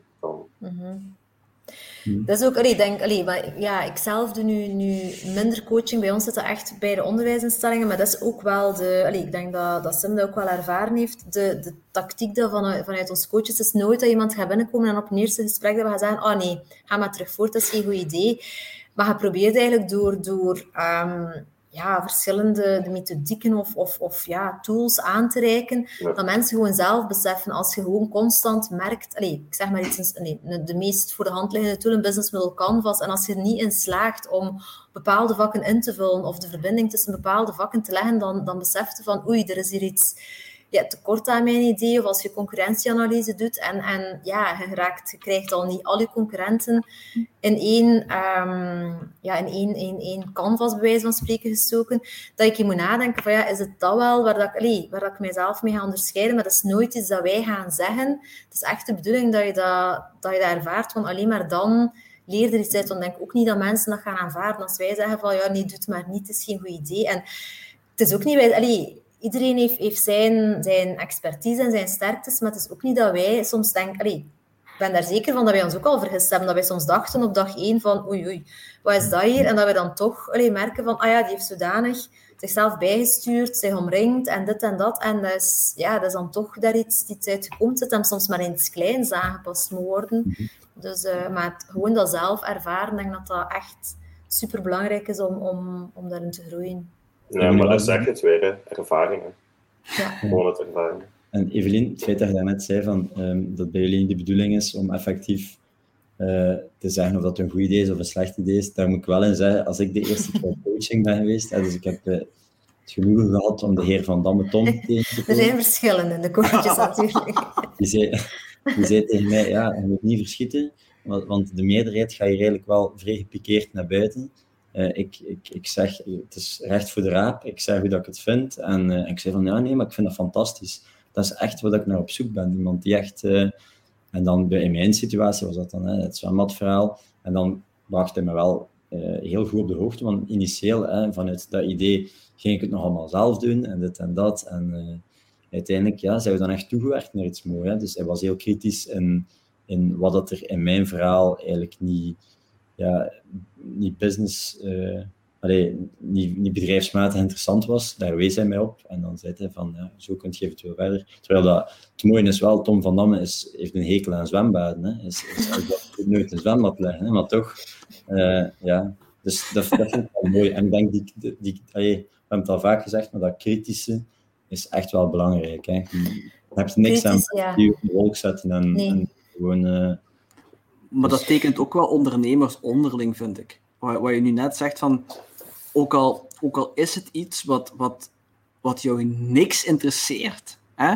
gewoon het feit dat je, dat je en dan moet daar nog niet eens op, de, op, dezelfde, op dezelfde hoogte zijn. Maar als je, als je ongeveer met dezelfde mindset kunt, kunt aan tafel zitten. En, gewoon even de. in het geval van, van die meneer Van Damme, dan, die verplaatst zich even in jouw plaats. Met de ervaringen die hij kent, die hij heeft uit andere ondernemingen, uit andere coachingsgesprekken. Ik weet niet wat die persoon zijn achtergrond is, maar goed. Hè. Een zekere interesse in ondernemen. Hè. En ik merkte ook vaak met met, met, als, ik, als ik dit soort gesprekken doe, mensen, mensen die kunnen elkaar echt helpen, ook al is er nul ervaring in de business op zich. Gewoon de ervaringen die, die je hebt gehad in, in, in de onderneming, of de gesprekken die je met andere mensen hebt gehad, dat is allemaal nuttig. Het kan allemaal helpen. En op die manier, uh, ik, ik vind dat heel mooi als ik dat zie, hoe dat ondernemers die elkaar eigenlijk niet kennen, toch zonder problemen doorgaans, hè, want dat zijn altijd eh, uitzonderingen, elkaar kunnen en willen verder helpen. Ik vind, ik vind dat een heel mooi gegeven en ik ben ook heel blij dat dat, eh, dat, dat zelfs, uh, zelfs dat dat ook in, in de studentondernemen naar boven komt. Mhm. Ja, en denk bij uitbreiding ook. Allee, dat, dat vind ik wel echt mooi aan het ecosysteem. Ik ken het natuurlijk alleen maar in Gent, maar dat we hier hebben, dat je inderdaad in een mix hebt. Dat, alleen een Tom, waar, dat, waar dat Sim naar verwijst, dat is iemand die ja, een jarenlange carrière, zowel um, ja, binnen het bedrijfsleven als in het ondernemingsleven heeft. Dus die spreekt ook echt uit ervaring. We hebben ook een coach, Margot, die, die zelf student-ondernemer geweest is. Die is, um, ja, ik ken haar zelfs nog van als student-ondernemer, ondertussen coach van student-ondernemers. Maar dat is wel mooi. Margot is een totaal ander type dan bijvoorbeeld Tom, maar die vullen elkaar ook wel aan. En het leuke is, doordat die onderwijsinstellingen, want ik denk dat, dat, ook wel, dat we dat niet mogen vergeten, in principe, ja, die onderwijsinstellingen, zeker de hogescholen, op vlak van onderwijs zijn dat wel concurrenten, maar op vlak van studentondernemerschap vinden die elkaar en sturen die ook wel mensen naar elkaar door. Als de ene voelt van, ja, kijk, ik heb hier een coaching gehad en die had vragen over dit of dat, en dat ligt echt niet binnen mijn, mijn expertise, mag ik die gewoon een keer bij u langs sturen en ze doen dat ook wel. En dat vind ik ook wel, wel mooi een Tom is inderdaad heel kritisch. En, en soms merken wij dan van ja, dat is een student die, ondanks dat wij op ons kritische manier ermee omgaan, die het van ons niet aanvaardt, maar die gaat van een Tom dan misschien wel ervaren, want dat is iemand die op zoveel ervaring terugkijkt. En dat is wel mooi dat we, dat we dan wel ook kunnen zoeken van ja, wat is nu voor die student beste om vooruit geholpen te worden. En doordat we elkaar daarin vinden en met elkaar in contact staan, lukt dat wel. Ik ben ervan overtuigd, moesten de onderwijsinstellingen allemaal gewoon los van elkaar werken, zonder die overkoepelende ecosystemen, dat dat veel moeilijker is. Want dan allee, moet je al beginnen zoeken, wie kan ik bij die onderwijsinstelling gaan aanspreken. Want dat is ook leuk, allee, dat gaat zelfs verder. Er worden ook zelfs faciliteiten gedeeld, dat wij ja, merken van ja, een student wil, wil een keer iets testen, bijvoorbeeld in, in, in catering of zo, een, een hapje dat ze willen maken, maar ja, een, een gecertificeerde keuken daarvoor vinden, om gewoon een keer vijf uh, testings te doen, dat is niet zo makkelijk, kunnen we dat wel, allee, bij, bij onderwijsinstellingen die die infrastructuur staan hebben, zo zijn er ook al samenwerkingen geweest en ik denk dat dat wel, wel leuk is dat dat kan en dat dat er ook bij aansluit van, ja, iedereen vindt elkaar wel in dat, ja, in dat hoger doel dan van we gaan proberen om, om die studenten zo goed mogelijk uh, vooruit te helpen. Uh, Sim en Jeroen, hebben jullie gemerkt dat, dat jullie studies een, een rem zijn geweest op jullie groei? Hebben jullie dat ooit als, als, als hinderlijk ervaren? Want uiteindelijk, uh, je hebt nu bepaalde ambities, maar het diploma is ook nog altijd belangrijk. Hè? Is dat zoiets van dat je, heb je ooit een moment gehad dat je dacht van wauw, kon ik die studies nu maar even aan de kant zetten, dan, uh, dan kon ik echt doen, of echt, echt verder ondernemen? Uh, zeg maar, jij maar. Uh, ja, voor mij, ik, ik denk vooral het laatste jaar had ik zoiets van, tot het nu maar gewoon gedaan is, dat ik voluit voor kan gaan, omdat bij, bij mij was er dan ook stagen en zo, en ja, dat is uw volledige dag. Terwijl de jaren daarvoor kon ik het nog wel door de, dag, sorry, door de dag af en toe plannen. Maar ja, eens je echt zo volle dagen aan het werken bent, voor stage, dan zijn, er gaat al heel veel tijd weg. Dus dat vond ik in mijn geval wel een rem, als je het zo bedoelt. Uh, omdat ja, er minder tijd. Maar anderzijds, ja, het is nu, voor mij is het nu wel gedaan. Dus ik voel nu heel veel vrijheid. En ik denk dat mijn opleiding zeker deuren geopend heeft die anders niet eens wist dat die er waren. Ja. Hm. Ja, voor mijn situatie, um, ik heb uh, dus de combo uh, initieel, dus als ik aan mijn eerste maand stage begon, uh, was, dat, was eigenlijk wel haalbaar en dat was wel druk. Um, en ik was wel altijd bezig, maar ik vond in principe wel dat gaf veel voldoening van dus zowel verder te gaan op, op basis van een schooltraject, als effectief stappen te zetten en met je onderneming verder te gaan. Maar um, ja, nu een maand en een half geleden met daar student-ondernemer van het jaar uh, door entrepreneur te winnen, um, is er eigenlijk zoveel opeens ontploft. Hè? Dus um, was praktisch op drie verschillende televisiezenders geweest. Um, VRT, bijna alle sociale media platformen die bekend waren, hebben een bericht gedeeld. Dus wij, wij hebben op dat moment heb ik via mijn, mijn simpele Wix-website uh, die ik heb, heb ik 5000 aanvragen voor een zwembad binnengekregen. Dus dat was, op dat moment was dat gewoon ja, niet compatibel met een stage en was het in principe gewoon idioot om, om overdag ja, um, stage te lopen. En dus dan heb ik echt wel staan vloeken. Uh, en heb ik echt wel gedacht van, allee, ja, waarom toch? Hè? Waarom, waarom heb ik nu toch die stage allee, op dit moment ingepland? Als ik weet dat, dat, dat, dat, dat dit kon gebeuren. Natuurlijk, zoiets voorspelde nooit. Maar, um, en dat is dus eigenlijk, ja, die, die trend blijft, blijft eigenlijk uh, aanhouden. Dus we krijgen altijd enorm veel aanvragen. En uh, nu op mijn stage orthopedie overdag, hè, we gaan nu op een uh, meer richting dat er effectief plaatsingen van zwembaden zijn. En dan, denk ik dat we het er net hebben over gehad, niet alles loopt goed. Hè. Je bent zelf ook niet op locatie. En dan krijg je daar een telefoon van dit of dat, of een, een probleem in plannen, of ja, een, een, soort van situatie die zich voordoet. En dan stel je daar in een ziekenhuis eigenlijk gewoon maar te observeren, want dan houdt die stage in. En dan denk je echt van, ja, allee, ik zou hier niet mogen staan. Ik moet daar staan. Ik moet maken dat mijn onderneming geen slechte naam krijgt. Ik moet maken dat dat opgelost geraakt. En dan sta je echt machteloos in zo'n ziekenhuis. Uh, met je schortje en je, en je hoedje op. Maar uh, ja, dus dat is een enorme frustratie. Ik ben nu ongelooflijk content. Dus dat ik die drie maanden stage heb gelopen al bij al. Uh, en in principe de onderneming is goed verlopen. Het is wel met veel slaaptekort geweest en, en, een paar stoten uit moeten halen. Maar nu heb ik dus effectief wel twee maanden tijd om mij volledig te focussen en ik ga even alles op orde te zetten. Um, een keer bij de huidige klanten langs te gaan en een keer de eerste feedback vragen. Want ja, zo'n traject effectief combineren, dus een fulltime stage traject combineren met ondernemen, dat zou ik niemand aanraden, omdat ja, ja. het gewoon het heel, heel veel Zot. Zij, je nu 5000 zwembaden aanvragen? Sterk, man.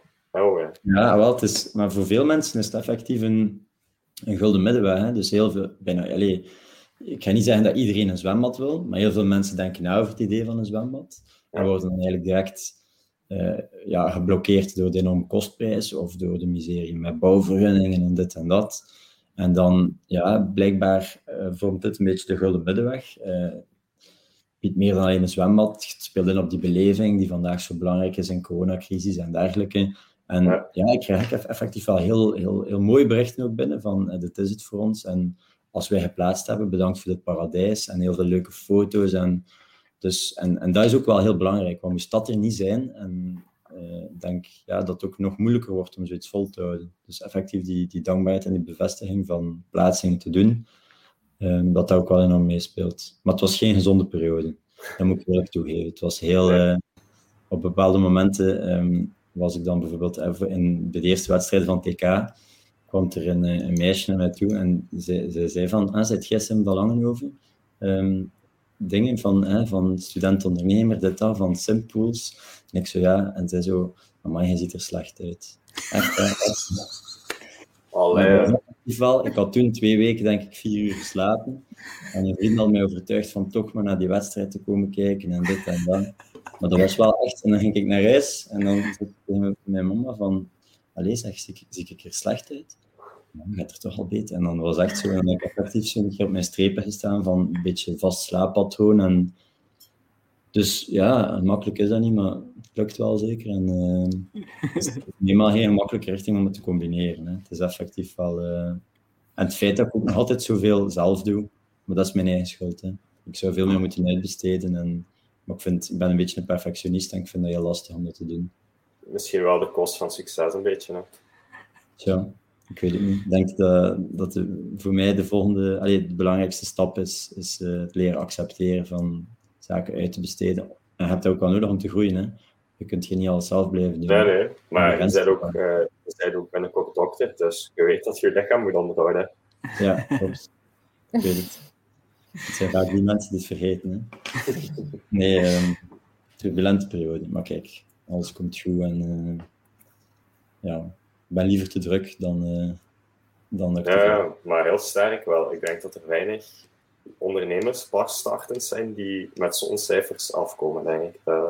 Dat heb ik niet vaak gehoord, alleszins. Maar ja, ik denk bijvoorbeeld VTM, dat was gewoon een reclamespot. Dus ze hebben mij gecontacteerd van, um, ik weet nog, stond toen in de hangen van de psychiatrie, VTM belde, en gaan opnemen tussen twee patiënten. En ze zeiden van, ja, student-ondernemer van het jaar, hè, fantastisch, mogen wij je daar een keer voor interviewen? Het is misschien leuk als we bij een klant gaan. En in de plaats van rond student-ondernemer van het jaar en hoe, hoe en wat, hebben zij gewoon een reclamespot van dat zwembad gemaakt bij de klant. Effectief met de klant die op het einde een cocktail, uh, dat klinkt en zo. En ik zou en ik dacht van, maar allez, zonder ja. commissie of niks zelfs ook? Niets, niets. Het was echt... Wow, heel nice. Dat heeft, mij iemand, dat heeft mij iemand laten weten via LinkedIn. Ik weet nu zijn naam niet meer, maar hij zat zo in die marketingwereld en hij zei... Sim, um, de reclame die jij nu hebt gekregen, na heel het gegeven van student-ondernemer, dus AVS, Kanaal Z, VRT, VTM, overal waar dat verschenen is, op, op VRT denk ik zo'n bericht dat 20.000 likes of zo, dat dat ter waarde van 1 miljoen euro was. En dat ik dat goed moest beseffen. Dus dat is echt ongelooflijk geweest. Hè? Ja, maar de kracht van de media is, is ongelooflijk. en als je dat dan, zeker als je dat op tv een keer kunt, kunt uh, krijgen, en nu hebben ze het u aangeboden, dus uh, uh, des te beter. Hè? Dan, dan heb je er ook niks van moeten, moeten geven. Maar dat is, dat is ongelooflijk. ik merk het ook in, in de business waar ik, waar ik zit, enfin, waar mijn klanten zitten. ik, ben, ik ben consultant, uiteraard. Um, dat is enorm. dus ik, ik, ik volg dat wel voor een heel groot stuk. Mm -hmm. um, nu, voor, voor Jeroen dan, uh, het, het student ondernemen zit er nu eigenlijk op. Hè? Want dat is, we hebben nu heel veel gepraat over wat student ondernemen op zich inhoudt, maar nu gaat, ga jij over naar de volgende fase. Uh, en Sim had dat ook wel eventjes uh, aangehaald, dat, dat het nu tijd wordt voor Simpools om op, eigen benen te staan. Um, dus ik kom, kom even, even uh, daarop inzoomen. Wat, wat houdt dat nu effectief in als je, als je overgaat van student-ondernemer naar, als je afstudeert? Wat zijn dan de gevolgen voor, voor jou, voor je statuut, voor, voor, voor alles? Ja, ik ben sowieso al één jaar een hoofdgroep helaas. Uh, dus en, ja, ik ga dat houden. Ik ga nu heel de zomer zoveel mogelijk werk proberen te verzetten voor mijn uh, volgende concept in de markt te zetten. En ja, ik, mijn vriendin en ik gaan mogelijk wel binnenkort gaan samenwonen en zo. Dus mogelijk ga ik dan wel ergens moeten combineren met een job en bijberoep. Of eh, dat weet ik niet helemaal. Maar dat is, zijn voor mij de volgende stappen alleszins. Uh, en het is gewoon heel belangrijk dat je, dat je bezig blijft. Het is sowieso de bedoeling om op, een hoofdgroep te gaan uiteindelijk. Maar niet meer zozeer als fotograaf dan. Uiteindelijk, het is, nee. dus een onderneming op zich en fotografie is gewoon iets wat... Ja, ik zie mezelf niet heel mijn leven nog foto's maken. Dat, dat, ik zie me wel ondernemen, maar niet per se in die branche. Ik heb heel veel geleerd daaruit. En ik heb ook gemerkt, toch met heel veel mensen te praten, dat er uiteindelijk heel veel dingen zijn die terugkomen. Hoe dan ook. Uh, of je daar nu in de, naar de voedingindustrie gaat of zo. Oké, okay, daar komen weer andere dingen bij kijken, als certificaten en zo. Maar er zijn heel veel dingen die gewoon terugkomen, zoals u, dus, zoals je zelf al gezegd hebt. Ik denk ja. alleen naar, naar de, de theorie, eh, een keer dat iemand afstudeert, maar denk, allee, als het feit dat je al hoofdberoep bent, is waarschijnlijk al 25 um, geworden bent. Dus het statuut, de, de, voordelen die gelden maar tot 25, omdat uh, in principe valt sowieso automatisch ook kinderbijslag weg op, uh, op 25 jaar. Uh, maar de mogelijkheden zijn dus ofwel ja, inderdaad in hoofdberoep verder gaan, in bijberoep verder gaan of, of stopzetten.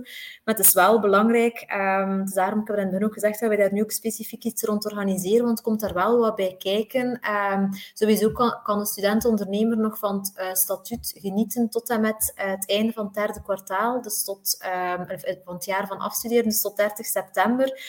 Maar het is wel belangrijk, die grensbedragen en zo, om ervoor te zorgen dat je um, geen sociale bijdragen uh, betaalt. Die worden wel ook geproratiseerd. Dus het is niet dat je kunt zeggen van, ah, ik ga tot eind september uh, onder dat bedrag blijven. En vanaf uh, 1 oktober ga ik dan vol een bak als hoofdberoeper gaan verdienen dat wordt allemaal gelijk getrokken. Dus moet daar wel, dat wordt dan over een jaar uitgesmeerd. Ga, allee, ik ga hier niet tot in de details gaan, maar het is wel heel belangrijk op het moment dat je, dat je zou afstuderen, dat je daar wel ook weer goed laat door informeren. Dat is meestal via het ondernemingsloket of sociaal verzekeringsfonds dat je die vragen kunt stellen, dat je eigenlijk op voorhand ook al met je boekhouder kijkt van wat zijn de implicaties um, als ik die een overstap maak naar gelijk welk statuut, om ervoor te zorgen, want het is niet, jammer genoeg, niet de eerste keer dat wij wel telefoon krijgen van, van ex-studentondernemers die dan uh, ja, dachten dat alles in orde was, maar die dan blijkbaar wel voor een Hans jaar, dan gaat dat met terugwerkende kracht, echt een hoofdberoep uh, sociale bijdrage moeten betalen. Maar dat is dan wel van nul als je aan alle voorwaarden voldoet als student zelfstandige.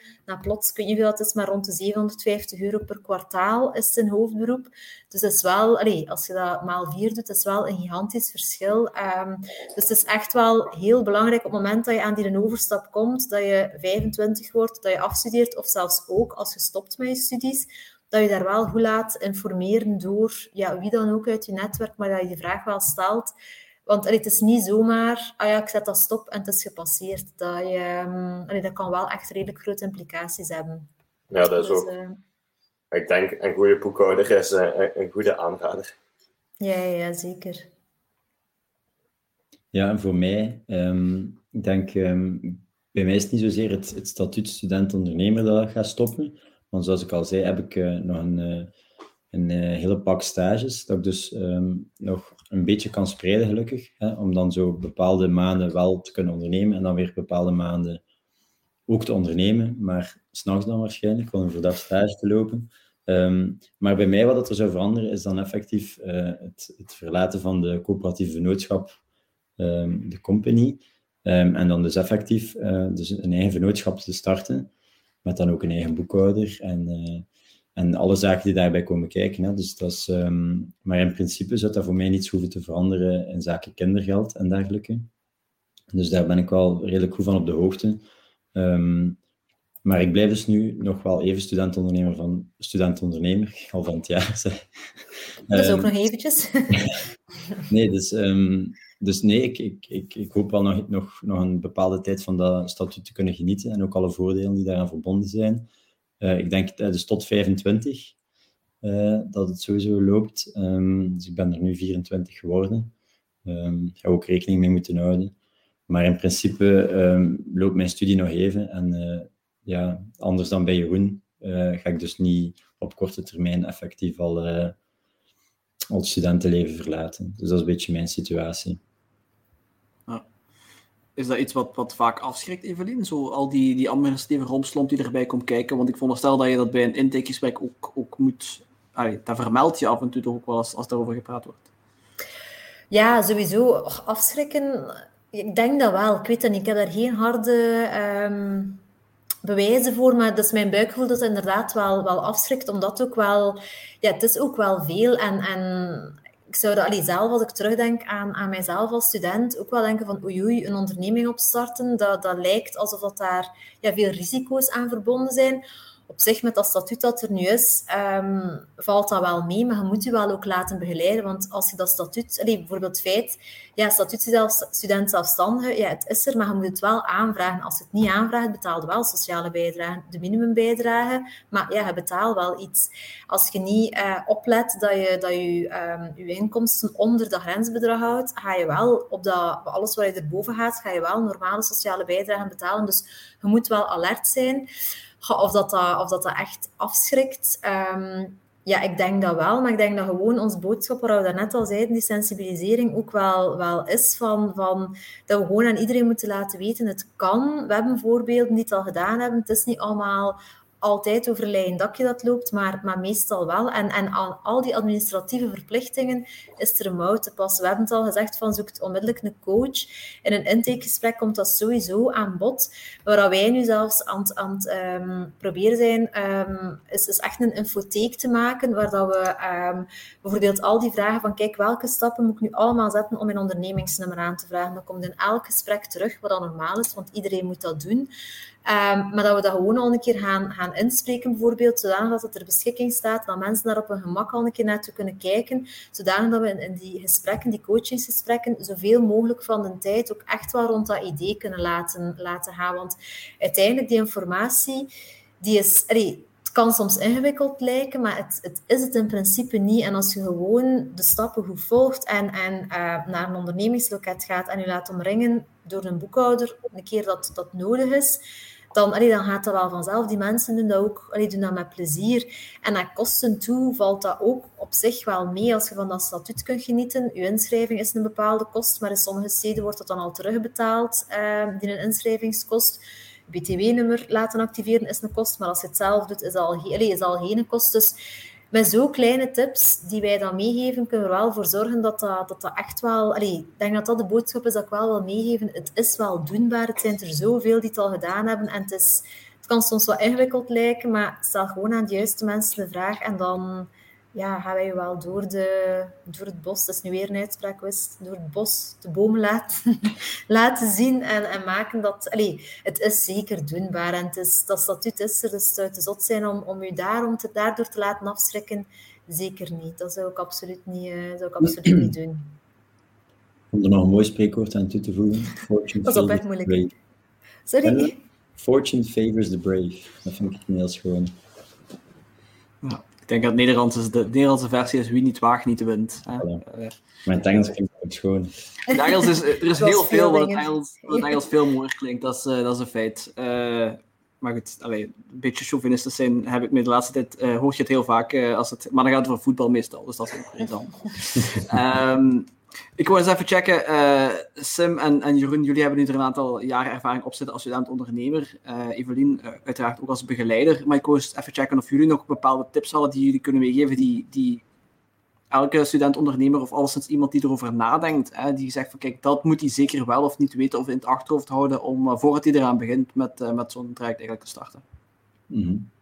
Ja, van, van mijn prille ervaring, dus negen maanden spreek ik, effectief Ik dus, we hebben het al over gehad, sowieso um, uw idee, uh, ja, babbelen over uw idee. En dus het niet volledig gaan afschermen en uh, denken dat, dat er andere mensen mee gaan lopen. Het is wel, het is, het is niet slecht om, om, om daar rekening mee te houden, dat je bepaalde, um, ja, dat, dat je wel een beetje bezig moet zijn met gegeven dat, dat mensen kunnen kopiëren en dergelijke, maar daar heb je allemaal mogelijkheden voor, hè, NDA's, dergelijke is niemand die daar een probleem mee hebben als je als eh, je idee wilt beschermen.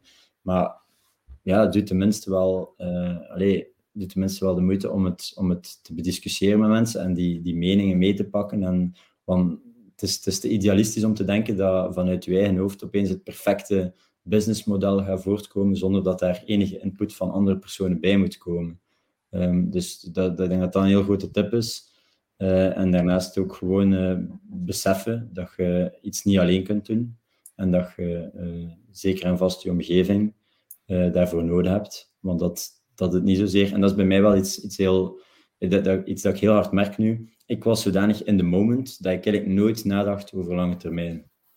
Um, en dat is iets dat nu natuurlijk veranderd is. Je moet wel denken van oké, hoe gaat het voort? En wat met de toekomst en waar willen we naartoe? En de, de vraag van het vijfjaarplan, eh, ondertussen ook al een paar keer gehad. Dus je wordt wel een beetje gedwongen om daarmee bezig te zijn. Dus um, ja, zit daar ook al een beetje mee bezig en, en, probeer. Impulsiviteit kan goed zijn, maar probeer het niet te laten overheersen en, en zij wel realistisch uh, in wat dat je doet. Maar laat je, laat alleszins niet afschrikken om iets te proberen. Hè. Uh, en daar zijn heel mooie instellingen voor die we uitvoer hebben besproken, denk ik, als student. Dus nee, dat, is, dat zijn mijn, mijn tips uh, mijn prille ervaring. Ja, ik denk, als je erover denkt, durf het gewoon te, durf gewoon te doen. Want ik, eender waar je woont, zijn er tegenwoordig genoeg instellingen uh, die u gaan helpen, zoals aangehaald wordt. Maar ja, ook gewoon zo. Uh, ik kan me eigenlijk alleen maar aansluiten wat er gezegd is van durf erover te praten en ook gewoon als je ergens naartoe gaat, netwerk. Want dat netwerk gaat je uiteindelijk over. of dat mhm. nu over een jaar of over tien jaar is, dat netwerk blijft er wel. En die kennis is er. En die kennis kunt jij ook gewoon gebruiken zolang je daar maar mee genetwerkt hebt. En ay, thuis zitten kunnen we allemaal. Het is belangrijk dat je naar buiten komt en praat. Als je al niet over ideeën wil praten, probeer dan tenminste een band op te bouwen met iemand die wel kennis heeft, waar je dan ook wel vertrouwen mee gaat winnen en je idee misschien kunt verbeteren. Ik denk dat het ook gewoon heel belangrijk is dat je kritisch blijft over je idee. Want uh, de beste versie moet altijd nog komen, denk ik. je moet gewoon blijven proberen te innoveren en het kan altijd beter.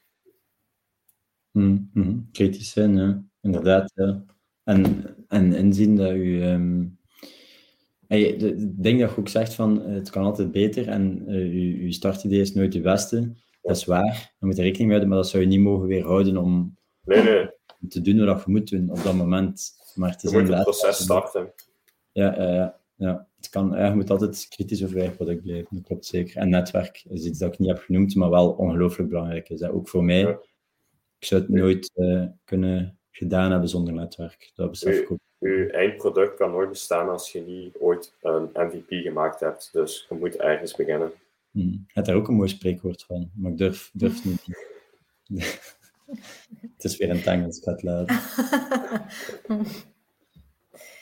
Ja, en ik kan mij daar denk ik alleen maar bij aansluiten. Het was, uh, ik denk dat de voornaamste dingen al gezegd zijn. Het enige dat ik misschien, om mijn thema te blijven, ook wel nog wil aanvullen, is, is ja, durf het en, en doe het. En doe het gewoon nu, zeker als student. Want denk, um, hoe, hoe verder dat je gaat en hoe... hoe ik wil niet zeggen dat studenten geen verantwoordelijkheden hebben, maar uit ervaring weet ik dat een keer dat je een, een huis af te betalen hebt, dat je kinderen hebt die, uh, die honger hebben, um, dat de drempels alleen maar hoger worden. En, en dat systeem bestaat er nu, dat gunstig statuutstudent zelfstandig. Dus ik zou iedereen aanraden, ik heb er zelf enorm veel spijt van dat ik dat nooit gedaan heb als student. Het bestond toen ook nog niet.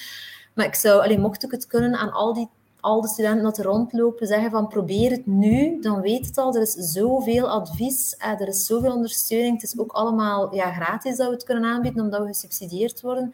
Dus gebruik het nu. Dan weet ook voor jezelf van is iets voor mij of niet. Weet ook voor jezelf als iets voor u is, maar wil het nu nog niet doen, van waar moet ik mij, moet ik mij omringen met mensen die, die daar wel beter in zijn. Maar dan heb je die ervaring en dat dat zoveel waard is. Of dat je nu over tien jaar nog gaat ondernemen, nooit onderneemt, werknemer wordt. Ik ben er echt van overtuigd dat je anders in, uh, in het leven staat als je dat doet. Dus ik zou het gewoon iedereen aanraden van doe het nu als je student bent, want het kan inderdaad, we hebben het al gezegd, het, is niet evident altijd en het kan zwaar wegen.